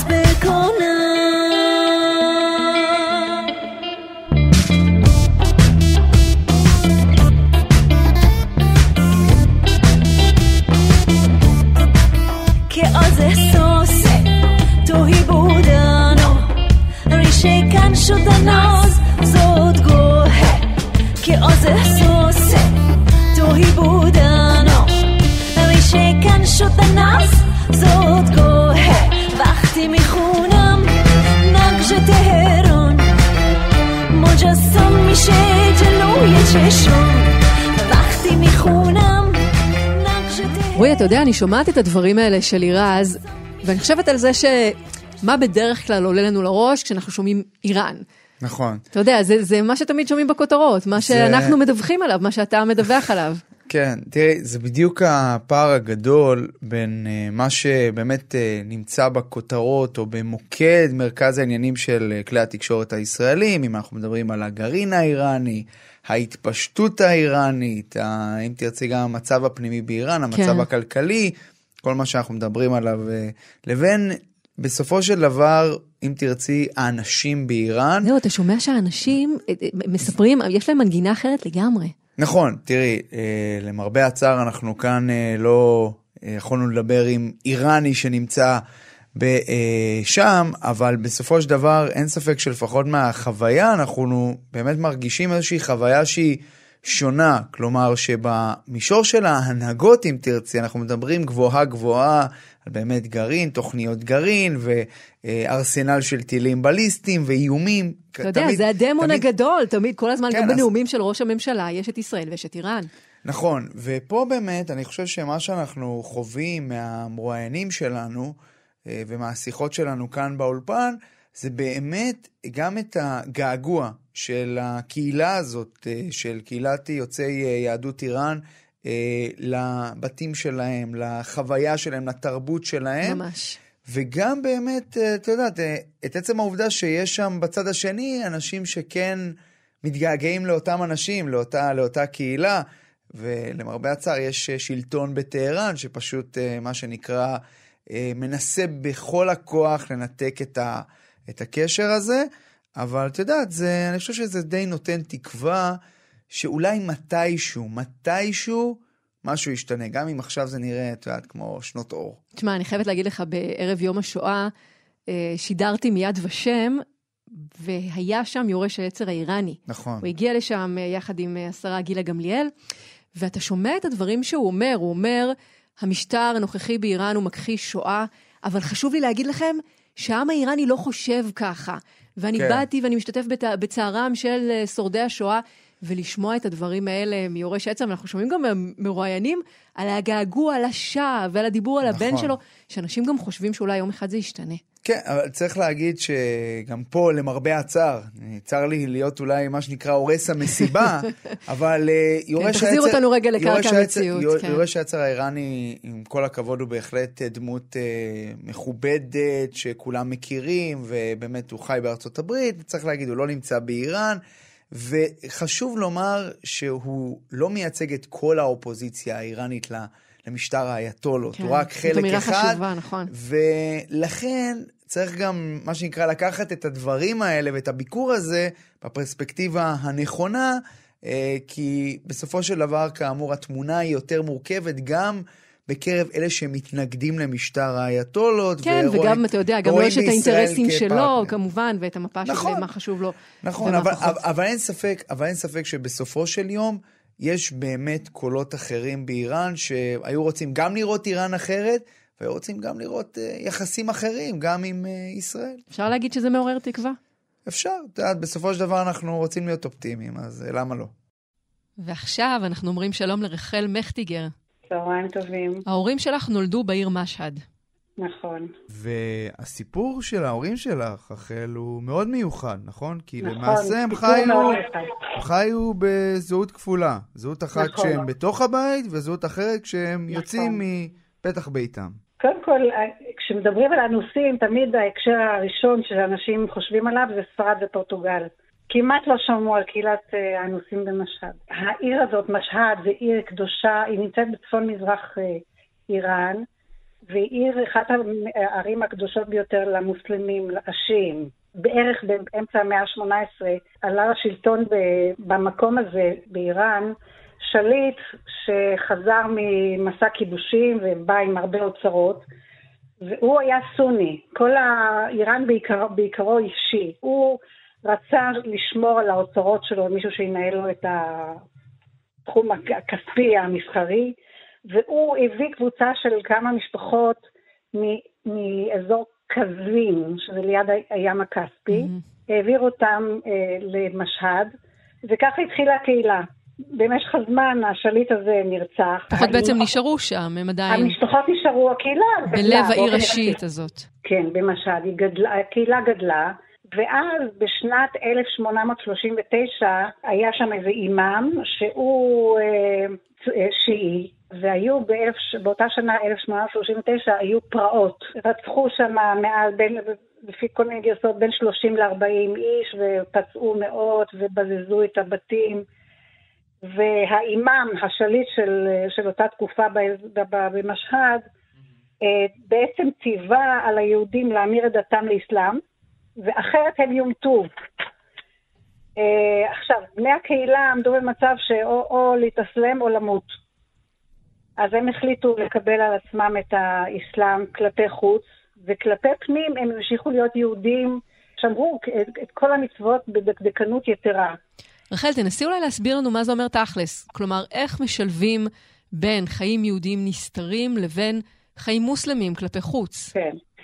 אז, אז ככה, אז כלפי חוץ הם uh, הפכו להיות מוסלמים, וזה זה בא לביטוי בלבוש, וזה שהם בנו לעצמם מסגד, uh, ובעצם uh, אמרו את השהדה, את, ה, את האמירה הזאת של המוסלמים, ואפילו... שזה חלק מהתנאים גם להיכנס לאסלאם, אה, להגיד את מה? השעה. שזה חלק כן, מהתנאים כן. להיכנס לאסלאם. נכון, נכון. אפשר, אה, כל פעם שאומר את השהדה שלוש פעמים, אז הוא כבר אה, מוסלמי. נכון. זה החלק הקל. אבל זה בא לביטוי בלבוש, בעצם בכל היבטי החיים. למשל, חתונה, הם עשו חתונה אצל הקאדי, שזה השופט המוסלמי. נכון. ואחר כך בחדרי חדרים עשו אה, חתונה יהודית מדהים. מדוקדקת עם כתובה עשו ועם חופה כל וואו. היהודים. זה בא ליביטוי בעוד המון דברים אחרים. אה, למשל, מסחר, אה, היו להם חנויות, היהודים שם עסקו במסחר, כי זה בעצם היה התחום, אחד התחומים היחידים שיכלו איכשהו לקיים את הזהות הזאת. לפי הסיפורים, הם, הם היו, השאירו את החנויות פתוחות, אבל אה, את כל מיני תירוצים, ההוא הלך רגע, יצא רגע, וכל מיני דברים. היו קונים בשר מה- מהשווקים המוסלמים, והיו אחר כך זורקים את זה, ובסתר שחטו, ועשו את כל הדברים, את כל המצוות של היהודים הם, הם, הם קיימו בצורה מאוד מדוקדקת. ובעצם היה קשר גם בין, בין האנוסים לבין עצמם? כלומר, אנשים ידעו אחד על השני ברור, ברור. שהם הם אנוסים, היו- והם יכולים, ל- למרות שהם היו יכולים אולי לספר לשלטונות על זה שהוא לא מוסלמי לא, נאמן. אז, אה, אז, אז לא, הם, הם שמרו מאוד מאוד מאוד על הקהילתיות. בגלל שהם היו, היו צריכים להתגונן ולשתף פעולה מול האוכלוסייה השיעית, אז הם, הם היו מאוד ממוקדים, הם גם גרו, כשהם באו, ראשוני משהד, היהודים ממשהד, כשהם באו למשהד, הם קנו שטחי אדמה שם ליד הגדר, ליד חומת העיר. זה נקרא אדגר. אני זוכרת את השם הזה מההורים שלי, אמא שלי תמיד הייתה אומרת אדגר. הם שם גרו במין גטו כזה. אה, עכשיו, החצרות היו, בתים כאלה היו בנויים בצורה של חאן, אני חושבת, מה שאנחנו קוראים לזה חאן. מסביב בתים. ו... חצר משותפת. ו... וחצר משותפת עם גן ובריכה באמצע. זה, זה סגנון איראני ידוע, וגם להם היה ככה. אני רוצה לשאול אותך, איך זה בחגים? כלומר, איך זה בפסח? החגים, כלומר, כלומר האם, האם חוגגים, האם חוגגים גם את החגים המוסלמים וגם את החגים היהודים? אז תראה, כלפי חוץ הם חגגו את כל החגים המוסלמים גם, כן. אבל כלפי פנים, בסתר, למשל בית הכנסת היה מתחת למסגד. כתובה, כבר אמרתי, חתונה יהודית היו עושים. אה, ברית מילה בסתר, שמרו על הכשרות, אה, כמו שאמרתי קודם, הם לא היו אוכלים משהו טרף. החגים, כן, היו, היו אופים מצות בסתר. למרות שהם כאילו היו כלפי חוץ מוסלמים, השים התייחסו אליהם בחשדנות, mm-hmm. וכאילו הם סוג ב', קראו להם הג'דידים. החדשים. על, על איסלאם הג'דיד, שזה המוסלמים החדשים. אני חושבת עכשיו, רחל, על זה שעד היום יש תערוכות שבהן מראים חנוכיות של יהודים uh, ממשהד, שבהם בעצם היו, במקום לעשות חנוכיה אחת אה, נכון, ארוכה, כמו נכון. שעושים, היו עושים מין פחים קטנים כאלה, מין אה, נכון, כאלה נכון. יחידות נפרדות, כדי שיוכלו לפזר אותם uh, בבית, נכון, שזה לא יראה כמו חנוכיה. בדיוק, בדיוק כך.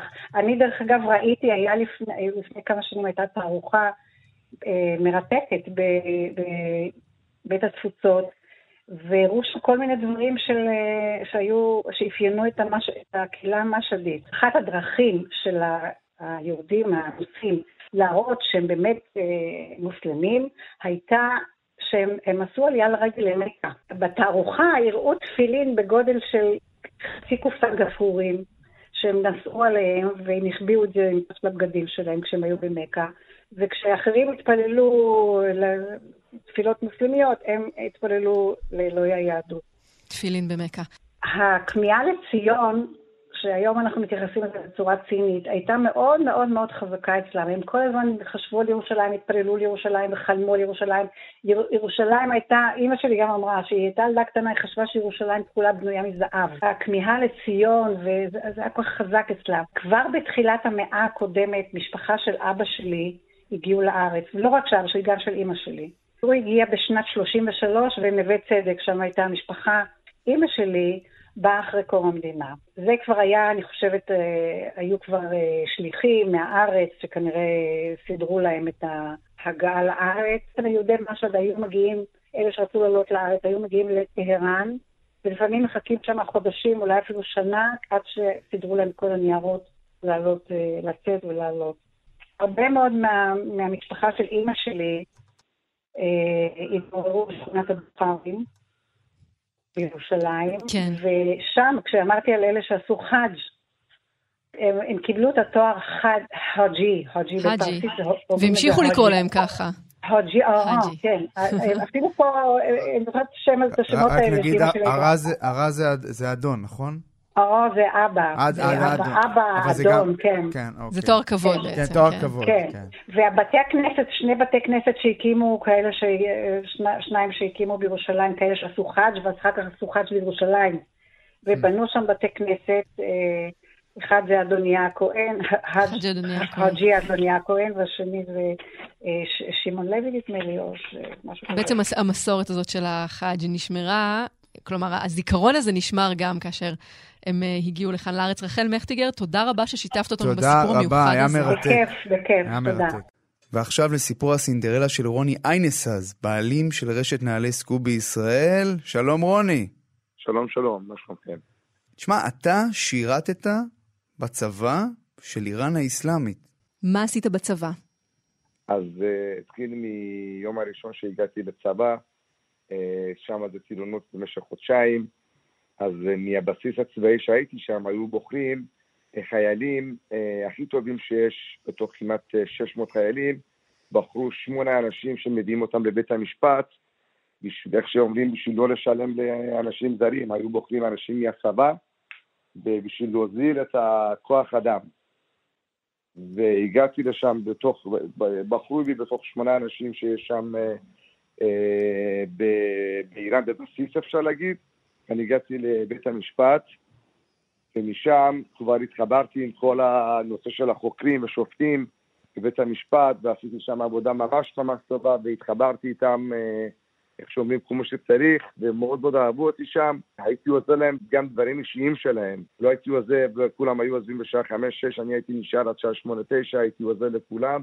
ואז הפכתי להיות סוג של יד ימני של גם שר המשפטים שם. שר המשפטים יש 42 uh, סגנים, ואני הפכתי להיות אחד מהם שם.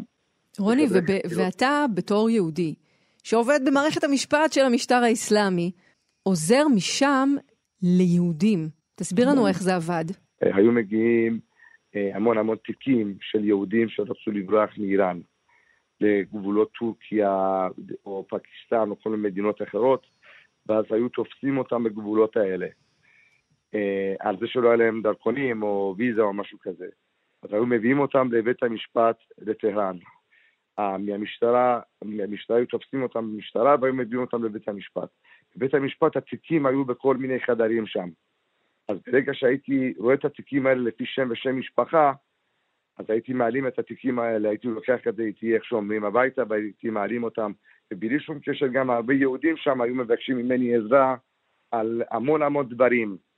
עסקים שהיו עושים, שהצ'קים שלהם היו חוזרים ובבית המשפט לא היו מתייחסים אליהם מכיוון שהם יהודים, ועד שהיו מוציאים איזשהו צו לבית המשפט נגד הגוי, שהוא אכל את הכסף של היהודי, היה תהליכים מאוד מאוד ארוכים, מכיוון שהבן אדם היה יהודי. אז אני הייתי מזרז את התהליכים האלה, ושוב פעם הייתי מעלים משם מלא מלא תיקים, היה תיק של איזשהו יהודי שרצה להוציא ספר תורה מאיראן ותפסו אותו, ובסוף לקחתי לו את התיק, ברגע שאתה לוקח את התיק מבית המשפט, בגדול אין, אין שום דבר משהו נגדו, השופט חייב להיות הוכחות. וואו, אבל איך זה עובד? מה, אתה פשוט לוקח ומה, ומעלים את הראיות? במיליון אחוז ככה, איך, ש, איך שדיברת. ואתה לא פוחד שיתפסו אותך? לא חשדו בך באיזשהו שלב? תראי, אני חייב להגיד לך משהו, לפני המון שנים, אני מדבר לפני כמעט 28 שנים, כשהייתי בצבא שם, לא היו מחשבים כמו היום. אז היום הכל מופיע בתוך מחשב, אז היו רק את, את התיקים. ברגע שהתיק נעלם מהחדר של חקירות או מחדר של השופט, אז לא, יודע, לא יודעים על איזה תיק מדובר. אתה אומר, המהפכה הדיגיטלית עדיין לא הגיעה למערכת בתי לא. המשפט אז. אף אחד לא חושד בך באיזשהו שלב? חשדו בי אחרי שנה וחצי שהייתי בצבא שם. אחד שהבין שיש פה משהו מוזר עם כל מיני תיקים, ואני הייתי נשאר שם שעות יותר, אז התחילו לשאול שאלות, וכנראה שאחד מהחברים אמרו שאני לא, לא מוסלמי שם, אני יהודי, אבל בגדול היה לה בעיה איתי, מכיוון שהוא שבחר בי שאני אהיה שם בבית המשפט באיראן. הבן אדם שבחר, הוא שאלה על זה. אבל אם היה מדבר על זה, גם הוא היה בבעיה. כי הוא בעצם הביא אותך לשם. הוא הביא אותי לשם, אז הוא שלא עשה את העבודה שלו בצורה נכונה. מדהים. אז מתי בעצם נופלת ההחלטה אצלך לעזוב את איראן? ברגע שעשיתי צבא שם אחרי בערך שנתיים, מאוד התעקשו שאני אחתום איתם ואני אשאר שם במשך עוד כמה שנים, והחלטתי לצאת משם. אז יצאתי משם, התחלתי את העסקים שלי בטהרן, ואחרי כמה זמן הבנתי שאיזה יום אחד שלא הייתי, בב... לא הייתי בעסק, אז הבנתי שהם באו ל... וחיפשו אותי ב... בחנות שהייתי עובד. היה לי שם שותף. הוא אמר שיש פה וחיפשו אותך והכל. וזה מדליק לך נורות אדומות. כן, הבנתי בדיוק על מה מדובר. באותו, באותו יום בכלל יצאתי מהבית עם אשתי וילדה קטנה בת uh, כמעט חמישה חודשים בשם איילין. יצאתי, יצאנו מהבית. באותו יום, באותו ערב הגיעו גם אליי הביתה. אז השכנים אמרו לי שגם uh, מחפשים אותי שם בבית. אז לא חזרתי יותר הביתה, נשארתי בבית של הורים של אשתי, סוג של מרתף שם שבנו, ואני הייתי שם בפנים, נשארתי שם. כמה זמן אתם נשארים שם? כמעט במשך 20 יום, 21 יום. אני בדקה 90 יצאתי משם. הגעתי לאיסטנבול, ומאיסטנבול הגעתי לפה. תגיד, בישראל פגשת את היהודים שהצלת אותם? חלקם עובדים אצלי. חלקם היום עובדים בסקופ, ברשת סקופ הם איזה עובדים היום. סגירת מעגל. תגיד, תגיד, אבל אתה, רוני, כשהגעת לארץ, הגעת די חסר קול, והיום אתה באמת אה, מנהל, בעלים של אה, רשת נעליים מאוד גדולה בישראל. אחי היה לפניי עשר שנים לפניי שהוא ברח מאיראן אה, בשם פרדי, הוא קוראים לו פרדי, שהמשפחה נפה, אז הוא היה בארץ כמעט עשר שנים, אז היה לו את החנות הראשונה שלו ברחוב סוקולוב בחולון. כשאני הגעתי לארץ, אז ביחד החלטנו לעשות רשת חנויות. המון המון קשיים בדרך, אם זה ביבוא, אם זה והמון המון בייצור, והצלחנו, ברוך השם הצלחנו. רוני איינסז, אה, אני מאוד מודה לך, אנחנו מאוד מודים לך על השיחה המרתקת תודה רבה. הזאת, תודה רבה לך. תודה לכם. שלום לשילה מוסאי, שלום לך. מרצה על השפה הפרסית באוניברסיטת בן גוריון וחיפה. שילה, חושה עומדי. וואו, מסי, ממנון. אנחנו רוצים שתלמדי אותנו כמה מילים אה, בפרסית, אולי אה, שנוכל להגיד למאזינים שלנו משהו בפרסית לרגל חג השבועות? תראי, בדרך כלל גם אה, דוברי פרסית, האיראנים מוסלמים, לא יהודים, הם למדו, לימדנו אותם אה, לברך את החגים היהודים בעברית. ואפילו הם כותבים את זה בפרסית, חג שמח. מדהים. אז uh, העניין שבואי נוותר על החגים בעברית, שאנחנו לימדנו אותם, להגיד אותם, להגות אותם וגם לכתוב אותם uh, כמו שצריך, עוד מעט יש לנו שבועות, וכל uh, איראני שהוא יכיר את זה, הוא בוודאי יכתוב בפרסית חג שמח. חג וזה שמח. ניצחון, ניצחון גדול. יש גם ברכה של, שאומרת סד סל באין סלה. צד סול ואין סול, נכון, מאוד, אם שרוצים פשוט אה, להכות, אומרים צד סול באון סול, אה, שזה כן אומרים, אוי, זה ה- המאה שנים הקודמות היו כל כך טובות, ואנחנו בדרך כלל ממש מזכירים בעקיצות על הימים הטובים שהיה לנו לפני מהפכה. את יודעת, אני חושבת על זה, שילה, שאת אה, מרצה על השפה הפרסית. את מגיעה לכאן אה, לארץ, ומעניין אותי לדעת מה היה הדבר שהיה הכי קשה לך מבחינת התאקלמות כשהגעת לכאן. לפני מהפכה כל קיץ, משפחה שלי, אנחנו היינו כאן. יולי זה היה מדינת ישראל, קיץ בארץ, לבלות עם המשפחה של אבא שלי. שנה לפני זה קפצתי לביקור, ידעתי לאן אני נכנסת, ותראי, אני באה מבית מאוד מאוד ציוני. אבא שגדל בארץ, אבא שגדל לפני קום המדינה, קום המדינה בקיבוץ, גדלתי עם אהבה עצומה למדינת ישראל, לדגל ישראל. ושנה לפני זה אני מגיעה, מטיילת בארץ, וזה היה לי הלם, כי חשבתי שאני אראה מדינה הרבה יותר מתקדמת, ואני ידעתי שאם אני מגיעה למדינת ישראל אני חייבת לוותר על הרבה דברים, רמת החיים שזה היה, ועדיין יש שם הרבה הרבה יותר גבוהה ממה שבארץ. ידעתי על מה אני מוותרת, אני נשבעתי בגולן שאני משרתת את המדינת ישראל, דגל ישראל וכולי, אבל אחרי שזה אני הגעתי כמו כל הגירה, כי גם אני באתי, אה, אה, עשיתי את כל התהליך ההתאקלמות שלי לבד, בלי משפחה. הורים שלי עדיין היו באיראן. זה קשה מאוד. קודם כל אני אה, מגיעה, אני צריכה להשאיר מאחוריי את השפה. ואני הייתי בוגרת אוניברסיטה ובוגרת בלשנות ומתורגמנות וטבעית, שזה בלשנות, שזה כל העולם שלי, זה ספרות, אומנות ותרבות. זה המקום שלך, זה. הכוח שלך, זה ה base שלך, בוודאי, ועכשיו את צריכה בוודאי. ללמוד שפה חדשה. הי- ו- בוודאי, והייתי כל כך מצליחה. ו- וזה אה, אפילו אה, חשבו וחלמו עליי שזה אני אשאר בתפקיד כזה או אחר, אבל פתאום אני מגיעה וה- ואני צריכה לה- להתחיל מאפס, מ- מתחת לאפס, ואני לא שומעת כלום. ואני כל כך מכירה את פרסית, את הכל ההיסטוריה ואת ה- השינויים הדגתיים, מי משתמש מה.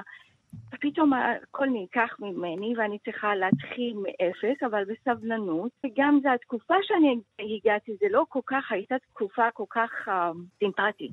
אז לא היה לאף אחד, לכולנו גוגל ואינטרנט וכולי, שזה, אה, תהיו חשופים יותר מה, מה יש באיראן ואתם תבינו במה מדובר, אפילו אנשים שיוצאים משם, שהמדינה שאני מגיעה אליה, היא לא צריכה להשפיע עליי, אני כבר יוצאת בחורה מודרנית, למרות שהמשטר זה המשטר אה, אה, אה, דתית, אבל בכל זאת אנחנו אוכלוסייה מאוד מודרנית שחיינו חיים מאוד מודרניים בהשכלה אה, אקדמית, אבל אה, אני צריכה להתחיל מה- מהכל חדש, והסביבה שמאוד מאוד סקרנית באותה תקופה לא יודעת מה קורה באיראן, וכל שנייה כל מישהו שרואה את הבחורה הזאת והיא חושב שזה בא מצרפת או ארצות הברית, אבל מגלה שזה בא מאיראן, כולם רצף של השאלות, ואני, חבר'ה, חבר'ה, אני רוצה להתאקלם, ויש המון המון כאב וצלקות פנימיות בנפש ואדם שעזב גם, והתקופה גם, זה, אבל הייתה תקופה של ה... יצרו את הסרט ללא בלי ביתי בארץ והקרינו אותו, ואנשים כולם היו עסקים בזה וחשבו שזה בדיוק ה... מה שקרה בסרט ההוליוודי הזה, זה קורה... הם חשבו שזאת המציאות. בדיוק. וזה לא, לא, לא, לא, לא, לא, וזה גם עוד, עוד כאב, אז כאב הפרידה מכל החברים, משפחה, הכל. ותראי, הגירה זה לא דבר קל. אני, אני תמיד תמיד אומרת את ה, מה שאני שמעתי מסמי מיכאל, וכל כך הזדהיתי, אמרתי, זה נכון. אני לא מצטטת מדויק במילים, אבל מה שזה זכור בזיכרונות שלי, שהוא אמר, הגירה זה כמו שמניחים את האדם כגופה בארון מתים, מטיסים אותו במטוס, בתקווה וחלום שהוא יקום, יקום מהארון המתים, ולא בטוח שהוא אבל... יקום. איזה דימוי קשוח. כל מישהו שמגיע למדינת ישראל, הוא יכול לחזור לבית הקודם שלו, הוא יכול להביא את החברים שלו, הוא יכול לשתף אפילו עם אירועים משפחתיים, כמו שאני התחתנתי בארץ. אבל כל הקשרים שלי נשרפו, ואני תמיד הסתכלתי, אין לי מאחוריי כלום. בזמן שאני הייתי מתחתנת, לא יכולתי לקחת את ה... בן זוג שלי, להראות לו זה, הנה הבית ספר שאני הלכתי, הנה מקום שאני גדלתי, הנה בית של הוריי, הנה חברים שלי להזמין אותם, כלום לא היה מאחוריי. נשרף. רקע זה, זה היה קשה מאוד מאוד למלא אותו. לקחת את כל הקושי הזה, ודווקא עשית תיקון. כלומר, היום את מרצה לשפה הפרסית, את מה שנקרא מפיצת הבשורה, ואני גם, אם אני לא טועה, אני חושב ש... היום יש יותר עניין בכלל בישראל, בגלל העניין בכל הנושא האיראני, יש יותר עניין גם בללמוד את השפה הפרסית. זה לא רק השפה שאני אה, מלמדת, המון דברים עשיתי בארץ. בעצם גם מה? פשוט מראה גם את ישראל כלפי חוץ לעולם, נכון? וגם לאיראנים נכון. שלא נמצאים באיראן. מחוץ לאיראן, או אפילו באיראן, ההסברה שלנו על הפנים, זה לא עניין שלי, זה העניין שאנחנו באמת חייבים להגביר חינוך הרבה יותר גבוה בהסברה שלנו בשפה הפרסית, כי לא יודעים ו- ולא מכירים, וברגע שזה אומרים בצורה מאוד להוטה ומפורטת, אז uh, הקהל הוא מאוד רעב. והוא רוצה לדעת. שנה שעברה, לפני שביידן מגיע לארץ, עיתונאי מאוד ידוע אה, יוצא קשר איתי, הוא מבקש שאני אתראיין, אם אפשר שהוא מגיע לישראל.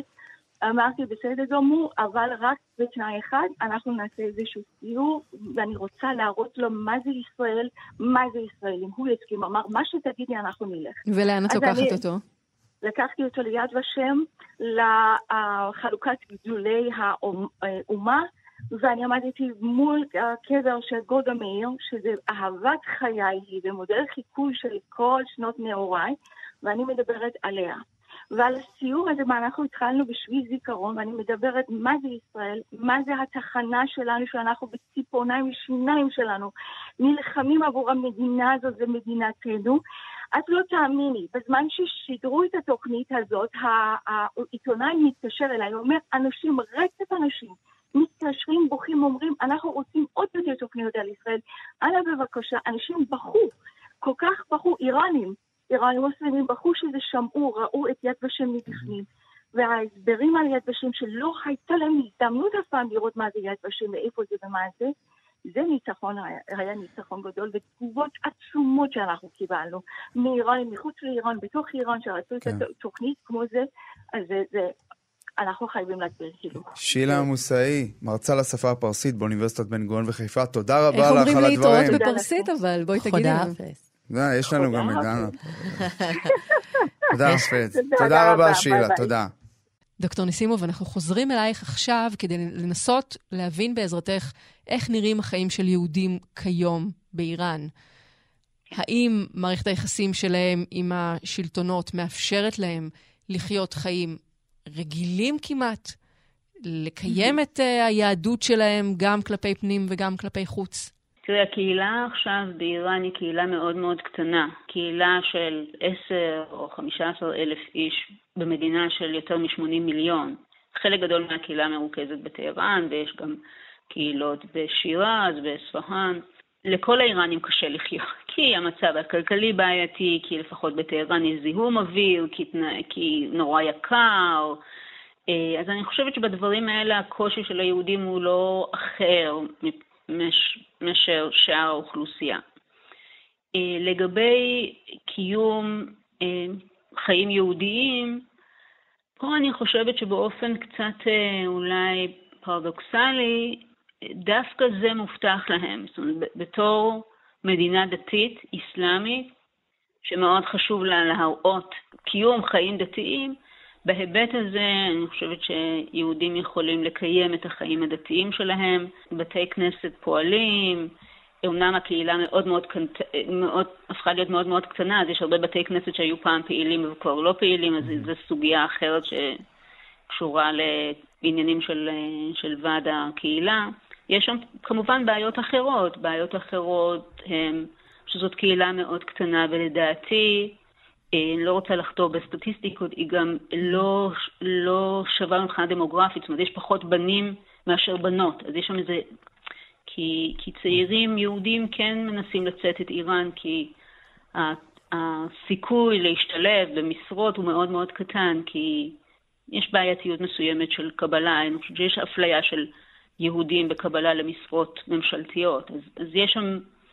וצעירים יהודים שלומדים באוניברסיטאות או משהו כזה, באמת העתיד המקצועי שלהם או עתיד הקריירה שלהם הוא בעייתי באיראן. כן, כן צריך, צריך להגיד, אה, סליחה שאני מפריע לך, אבל כן, כן. חשוב, כן. חשוב להגיד שאני חושב שהשלטון כן מנסה להראות שהוא נותן יחס אה, טוב לקהילה היהודית, ואגב, דיברת על משרות אה, בשלטון, אז יש חברי פרלמנט יהודים ממש במועצת השורא. אחד, ב... כן, כן. כן, אחד, כן, נכון? כן. mm-hmm. שהוא כמובן אה, מה שנקרא אה, משקף את האג'נדה של המשטר. אני חושב בהקשר הזה שהמבחן הגדול זה מה קורה בעיתות של מחלוקת, או בעיקר מחאות. בהקשר. הזה, למשל, את יודעת, היה בחודשים האחרונים את מחאת החיג'אב המפורסמת נכון, באיראן. נכון. שאלה גדולה, לפחות ממה שאת מבינה, האם, איך היהודים אה, לקחו בה חלק, או שלא לקחו בה חלק, או שניסו ככה להישאר באמצע, ממה שאת מבינה ומה שאת עקבת. או שהם תומכים בשקט. אני רוצה להיות מאוד מאוד זהירה, כי כמו שאמרתי, זאת קהילה קטנה בסיטואציה מאוד מאוד מורכבת. היא נמצאת בין הפטיש לסדן במובן הזה שהיא צריכה להיות מאוד uh, קולנית במובן מסוים בהתנגדות שלה לציונות ולמדינת ישראל, ובמובן הזה לנגן אותה, את אותה המנגינה ולוודא שכולם שומעים את זה, את מה שהמשטר מעוניין לקדם. כדי להוכיח נאמנות? כן, כן, גם להוכיח נאמנות, אבל זה באמת קהילה קטנה בסיטואציה נורא נורא מורכבת. חברי הקהילה לא מעורבים במלחמה או באיבה בין ישראל לבין איראן. זאת אומרת, מה, הם, הם רק איזשהו גורם על לוח, ה, לוח המשחק, ששני הצדדים קצת אה, עושים בו שימוש. אז שוב, אני אומרת את כל הדברים האלה בזהירות מאוד מאוד גדולה. ברור. וראשי הקהילה באמת מנסים, מתוך כוונה קודם כל חשובה, להגן על הקהילה ולשמור על הביטחון של חברי הקהילה. ובמובן הזה חשוב להם להשמיע את מה שמצופה מהם.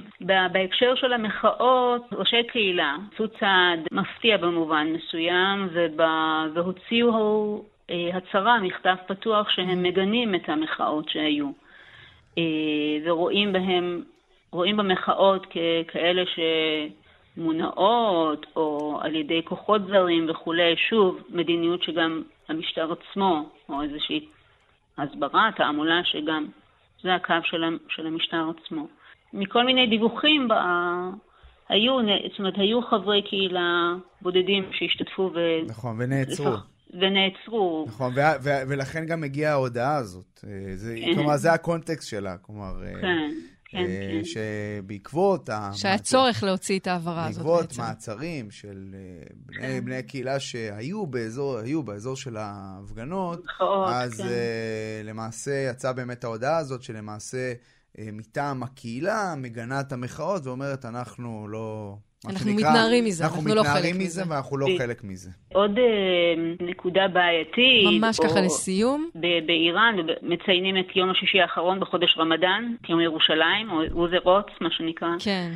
והשנה זה נפל על חג הפסח, וגם פה הקהילה הוציאה שהיא לא מציינת את היום האחרון של חג הפסח, שבדרך כלל יוצאים לפיקניקים, כי היא מכבדת את האירוע הזה של יום שישי האחרון של רמדאן. דוקטור כן. מרים נסימוב, תודה רבה לך על הדברים האלה. תודה רבה. בשמחה, תודה רבה לכם. ולפני שאנחנו מסיימים, דנה, נספר אה, אולי למאזינים שלנו קצת מאחורי הקלעים. סיפרת לנו מוקדם יותר סיפור באמת יוצא דופן על אה, סבא שלך. נכון. על סיפור שכולל חנות בדים ומשקאות אלכוהולים. כן, ממש ככה. אז uh, לפני המהפכה, לסבא שלי הייתה חנות משקאות uh, בטהרן, אז זה היה מותר, זה היה בתקופה של השאה, ויהודים יכלו למכור משקאות אלכוהולים, וכשהחלו ההפגנות לקראת המהפכה, אז ממש היו הפגנות וחבורה של צעירים מהמפגינים הגיעו אל החנות של סבא שלי, שרפו אותה. אה, ואבא שלי ואח שלו וסבא שלי נכנסו לחנות, מיהרו להוציא את המשקאות השווים, מה שנקרא, מה, מהמרתף, ושמו את, את אותם משקאות אצל אה, סבתא שלי, אצל סבתא רבא שלי, דאדה, זיכרונה לברכה, החביאו שם את המשקאות האלה. זה משקאות שהיוו אותם, הבריחו אותם דרך שגרירות ספרד בזמנו. והסיפור האחרון שסבא שלי סיפר לי, לפני שהוא נפטר בשנה שעברה, הוא סיפר שבתקופת המשטר האסלאמי הם רצו להמשיך למכור משקאות אלכוהולים, המחירים דווקא עלו, כי היה יותר קשה להשיג את אותם משקאות. כן. מה שהם פשוט עשו, הם הפכו את החנות לחנות uh, של uh, שמיכות, חנות של בדים, היו מגלגלים את אותם משקאות את, uh, בתוך הבדים, ומוכרים לאנשים בדים, משקאות, אבל זה למעשה חנות... משקאות בהסוואה לבדים. זאת אומרת, ערק מגולגל בתוך של, בגדול. ממש כך, והיה סיפור שהוא סיפר מעין אה, אנקדוטה, שיום אחד איזה שוטר מוצא ברכב וויסקי. ואסור לשתות uh, בימים שאחרי המהפכה משקאות אלכוהולים. לוקחים את סבא שלי לשופט, לא היה אז בית משפט, זה היה בימים הראשונים של המהפכה, אחרי המהפכה, אחרי המשטר האסלאמי, והוא מול אותו שופט ואומר לו, סליחה, למה אתה מחזיק באוטו שלך את הוויסקי הזה? והוא אומר לו, תשמע, אני יהודי, אני... אז אני לא מוסלמי, אבל אני לא שותה ביום-יום שלי, אני פשוט הייתי אצל רופא בפריז, והוא אמר שלמי שיש בעיות בלב, כדאי שמדי ערב ישתה איזה כוסית וויסקי, והכל יהיה יותר טוב. אז אותו שופט אה, אומר לסבא שלי, טוב, בסדר, אני משחרר אותך, אתה יכול ללכת, אבל תשאיר פה את הבקבוק וויסקי, כי גם לי יש בעיות בלב. אני סובל מאותה בעיה, באופן מקרי. אה, כן, בוא... זה זיכרון מסבא שלי, ורציתי אולי, דווקא במעמד הזה אולי להקדיש לו איזה שיר לזכרו. זהו, אז בואי נבקש עכשיו אה, מיוסי, מהטכנאי שלנו, זה שיר של... להשמיע את השיר הזה. חכי רגע, בואי. איך זה עובד? זה שיר של היידה, אחת מהזמרות הגדולות. אמרת לנו של מאחורי איראן. הקלעים השושנה דמארי של ה... של, אה, של המוזיקה הפרסית. של המוזיקה הפרסית. ממש, היא סיימה את חייה בלוס אנג'לס אחרי שברחה מאיראן, והיא מדברת על האביב, היא למעשה אומרת, האביב מגיע, אבל כשאני לא נמצאת בביתי, שזה אולי מטאפורה לאיראן, אז האביב הופך לסתיו. הנה. خونه بهارا هم مثل خزون میمونه بهارا هم مثل خزون میمونه ארץ חדשה, מסע אל הקהילות היהודיות מארצות ערב ואיראן. סדרת משדרים מיוחדים לרגל 75 שנים לעצמאות ישראל. גם תודה לדנה שליוותה אותנו במשדר הזה. דנה ו- ארקצי, תודה רבה. תודה. ועד כאן המשדר שלנו, ארץ חדשה על קהילת יהודי איראן. נגיד תודה לכל המשתתפים, נגיד תודה רבה לעורכת שלנו, יעל שקד, לטכנאי יוסי תנורי, רועי קייס, תודה. תודה, דקלה, אני כבר לא יכול לחכות למשדר הבא. ניפגש בשבוע הבא. בהחלט. להתראות. להתראות.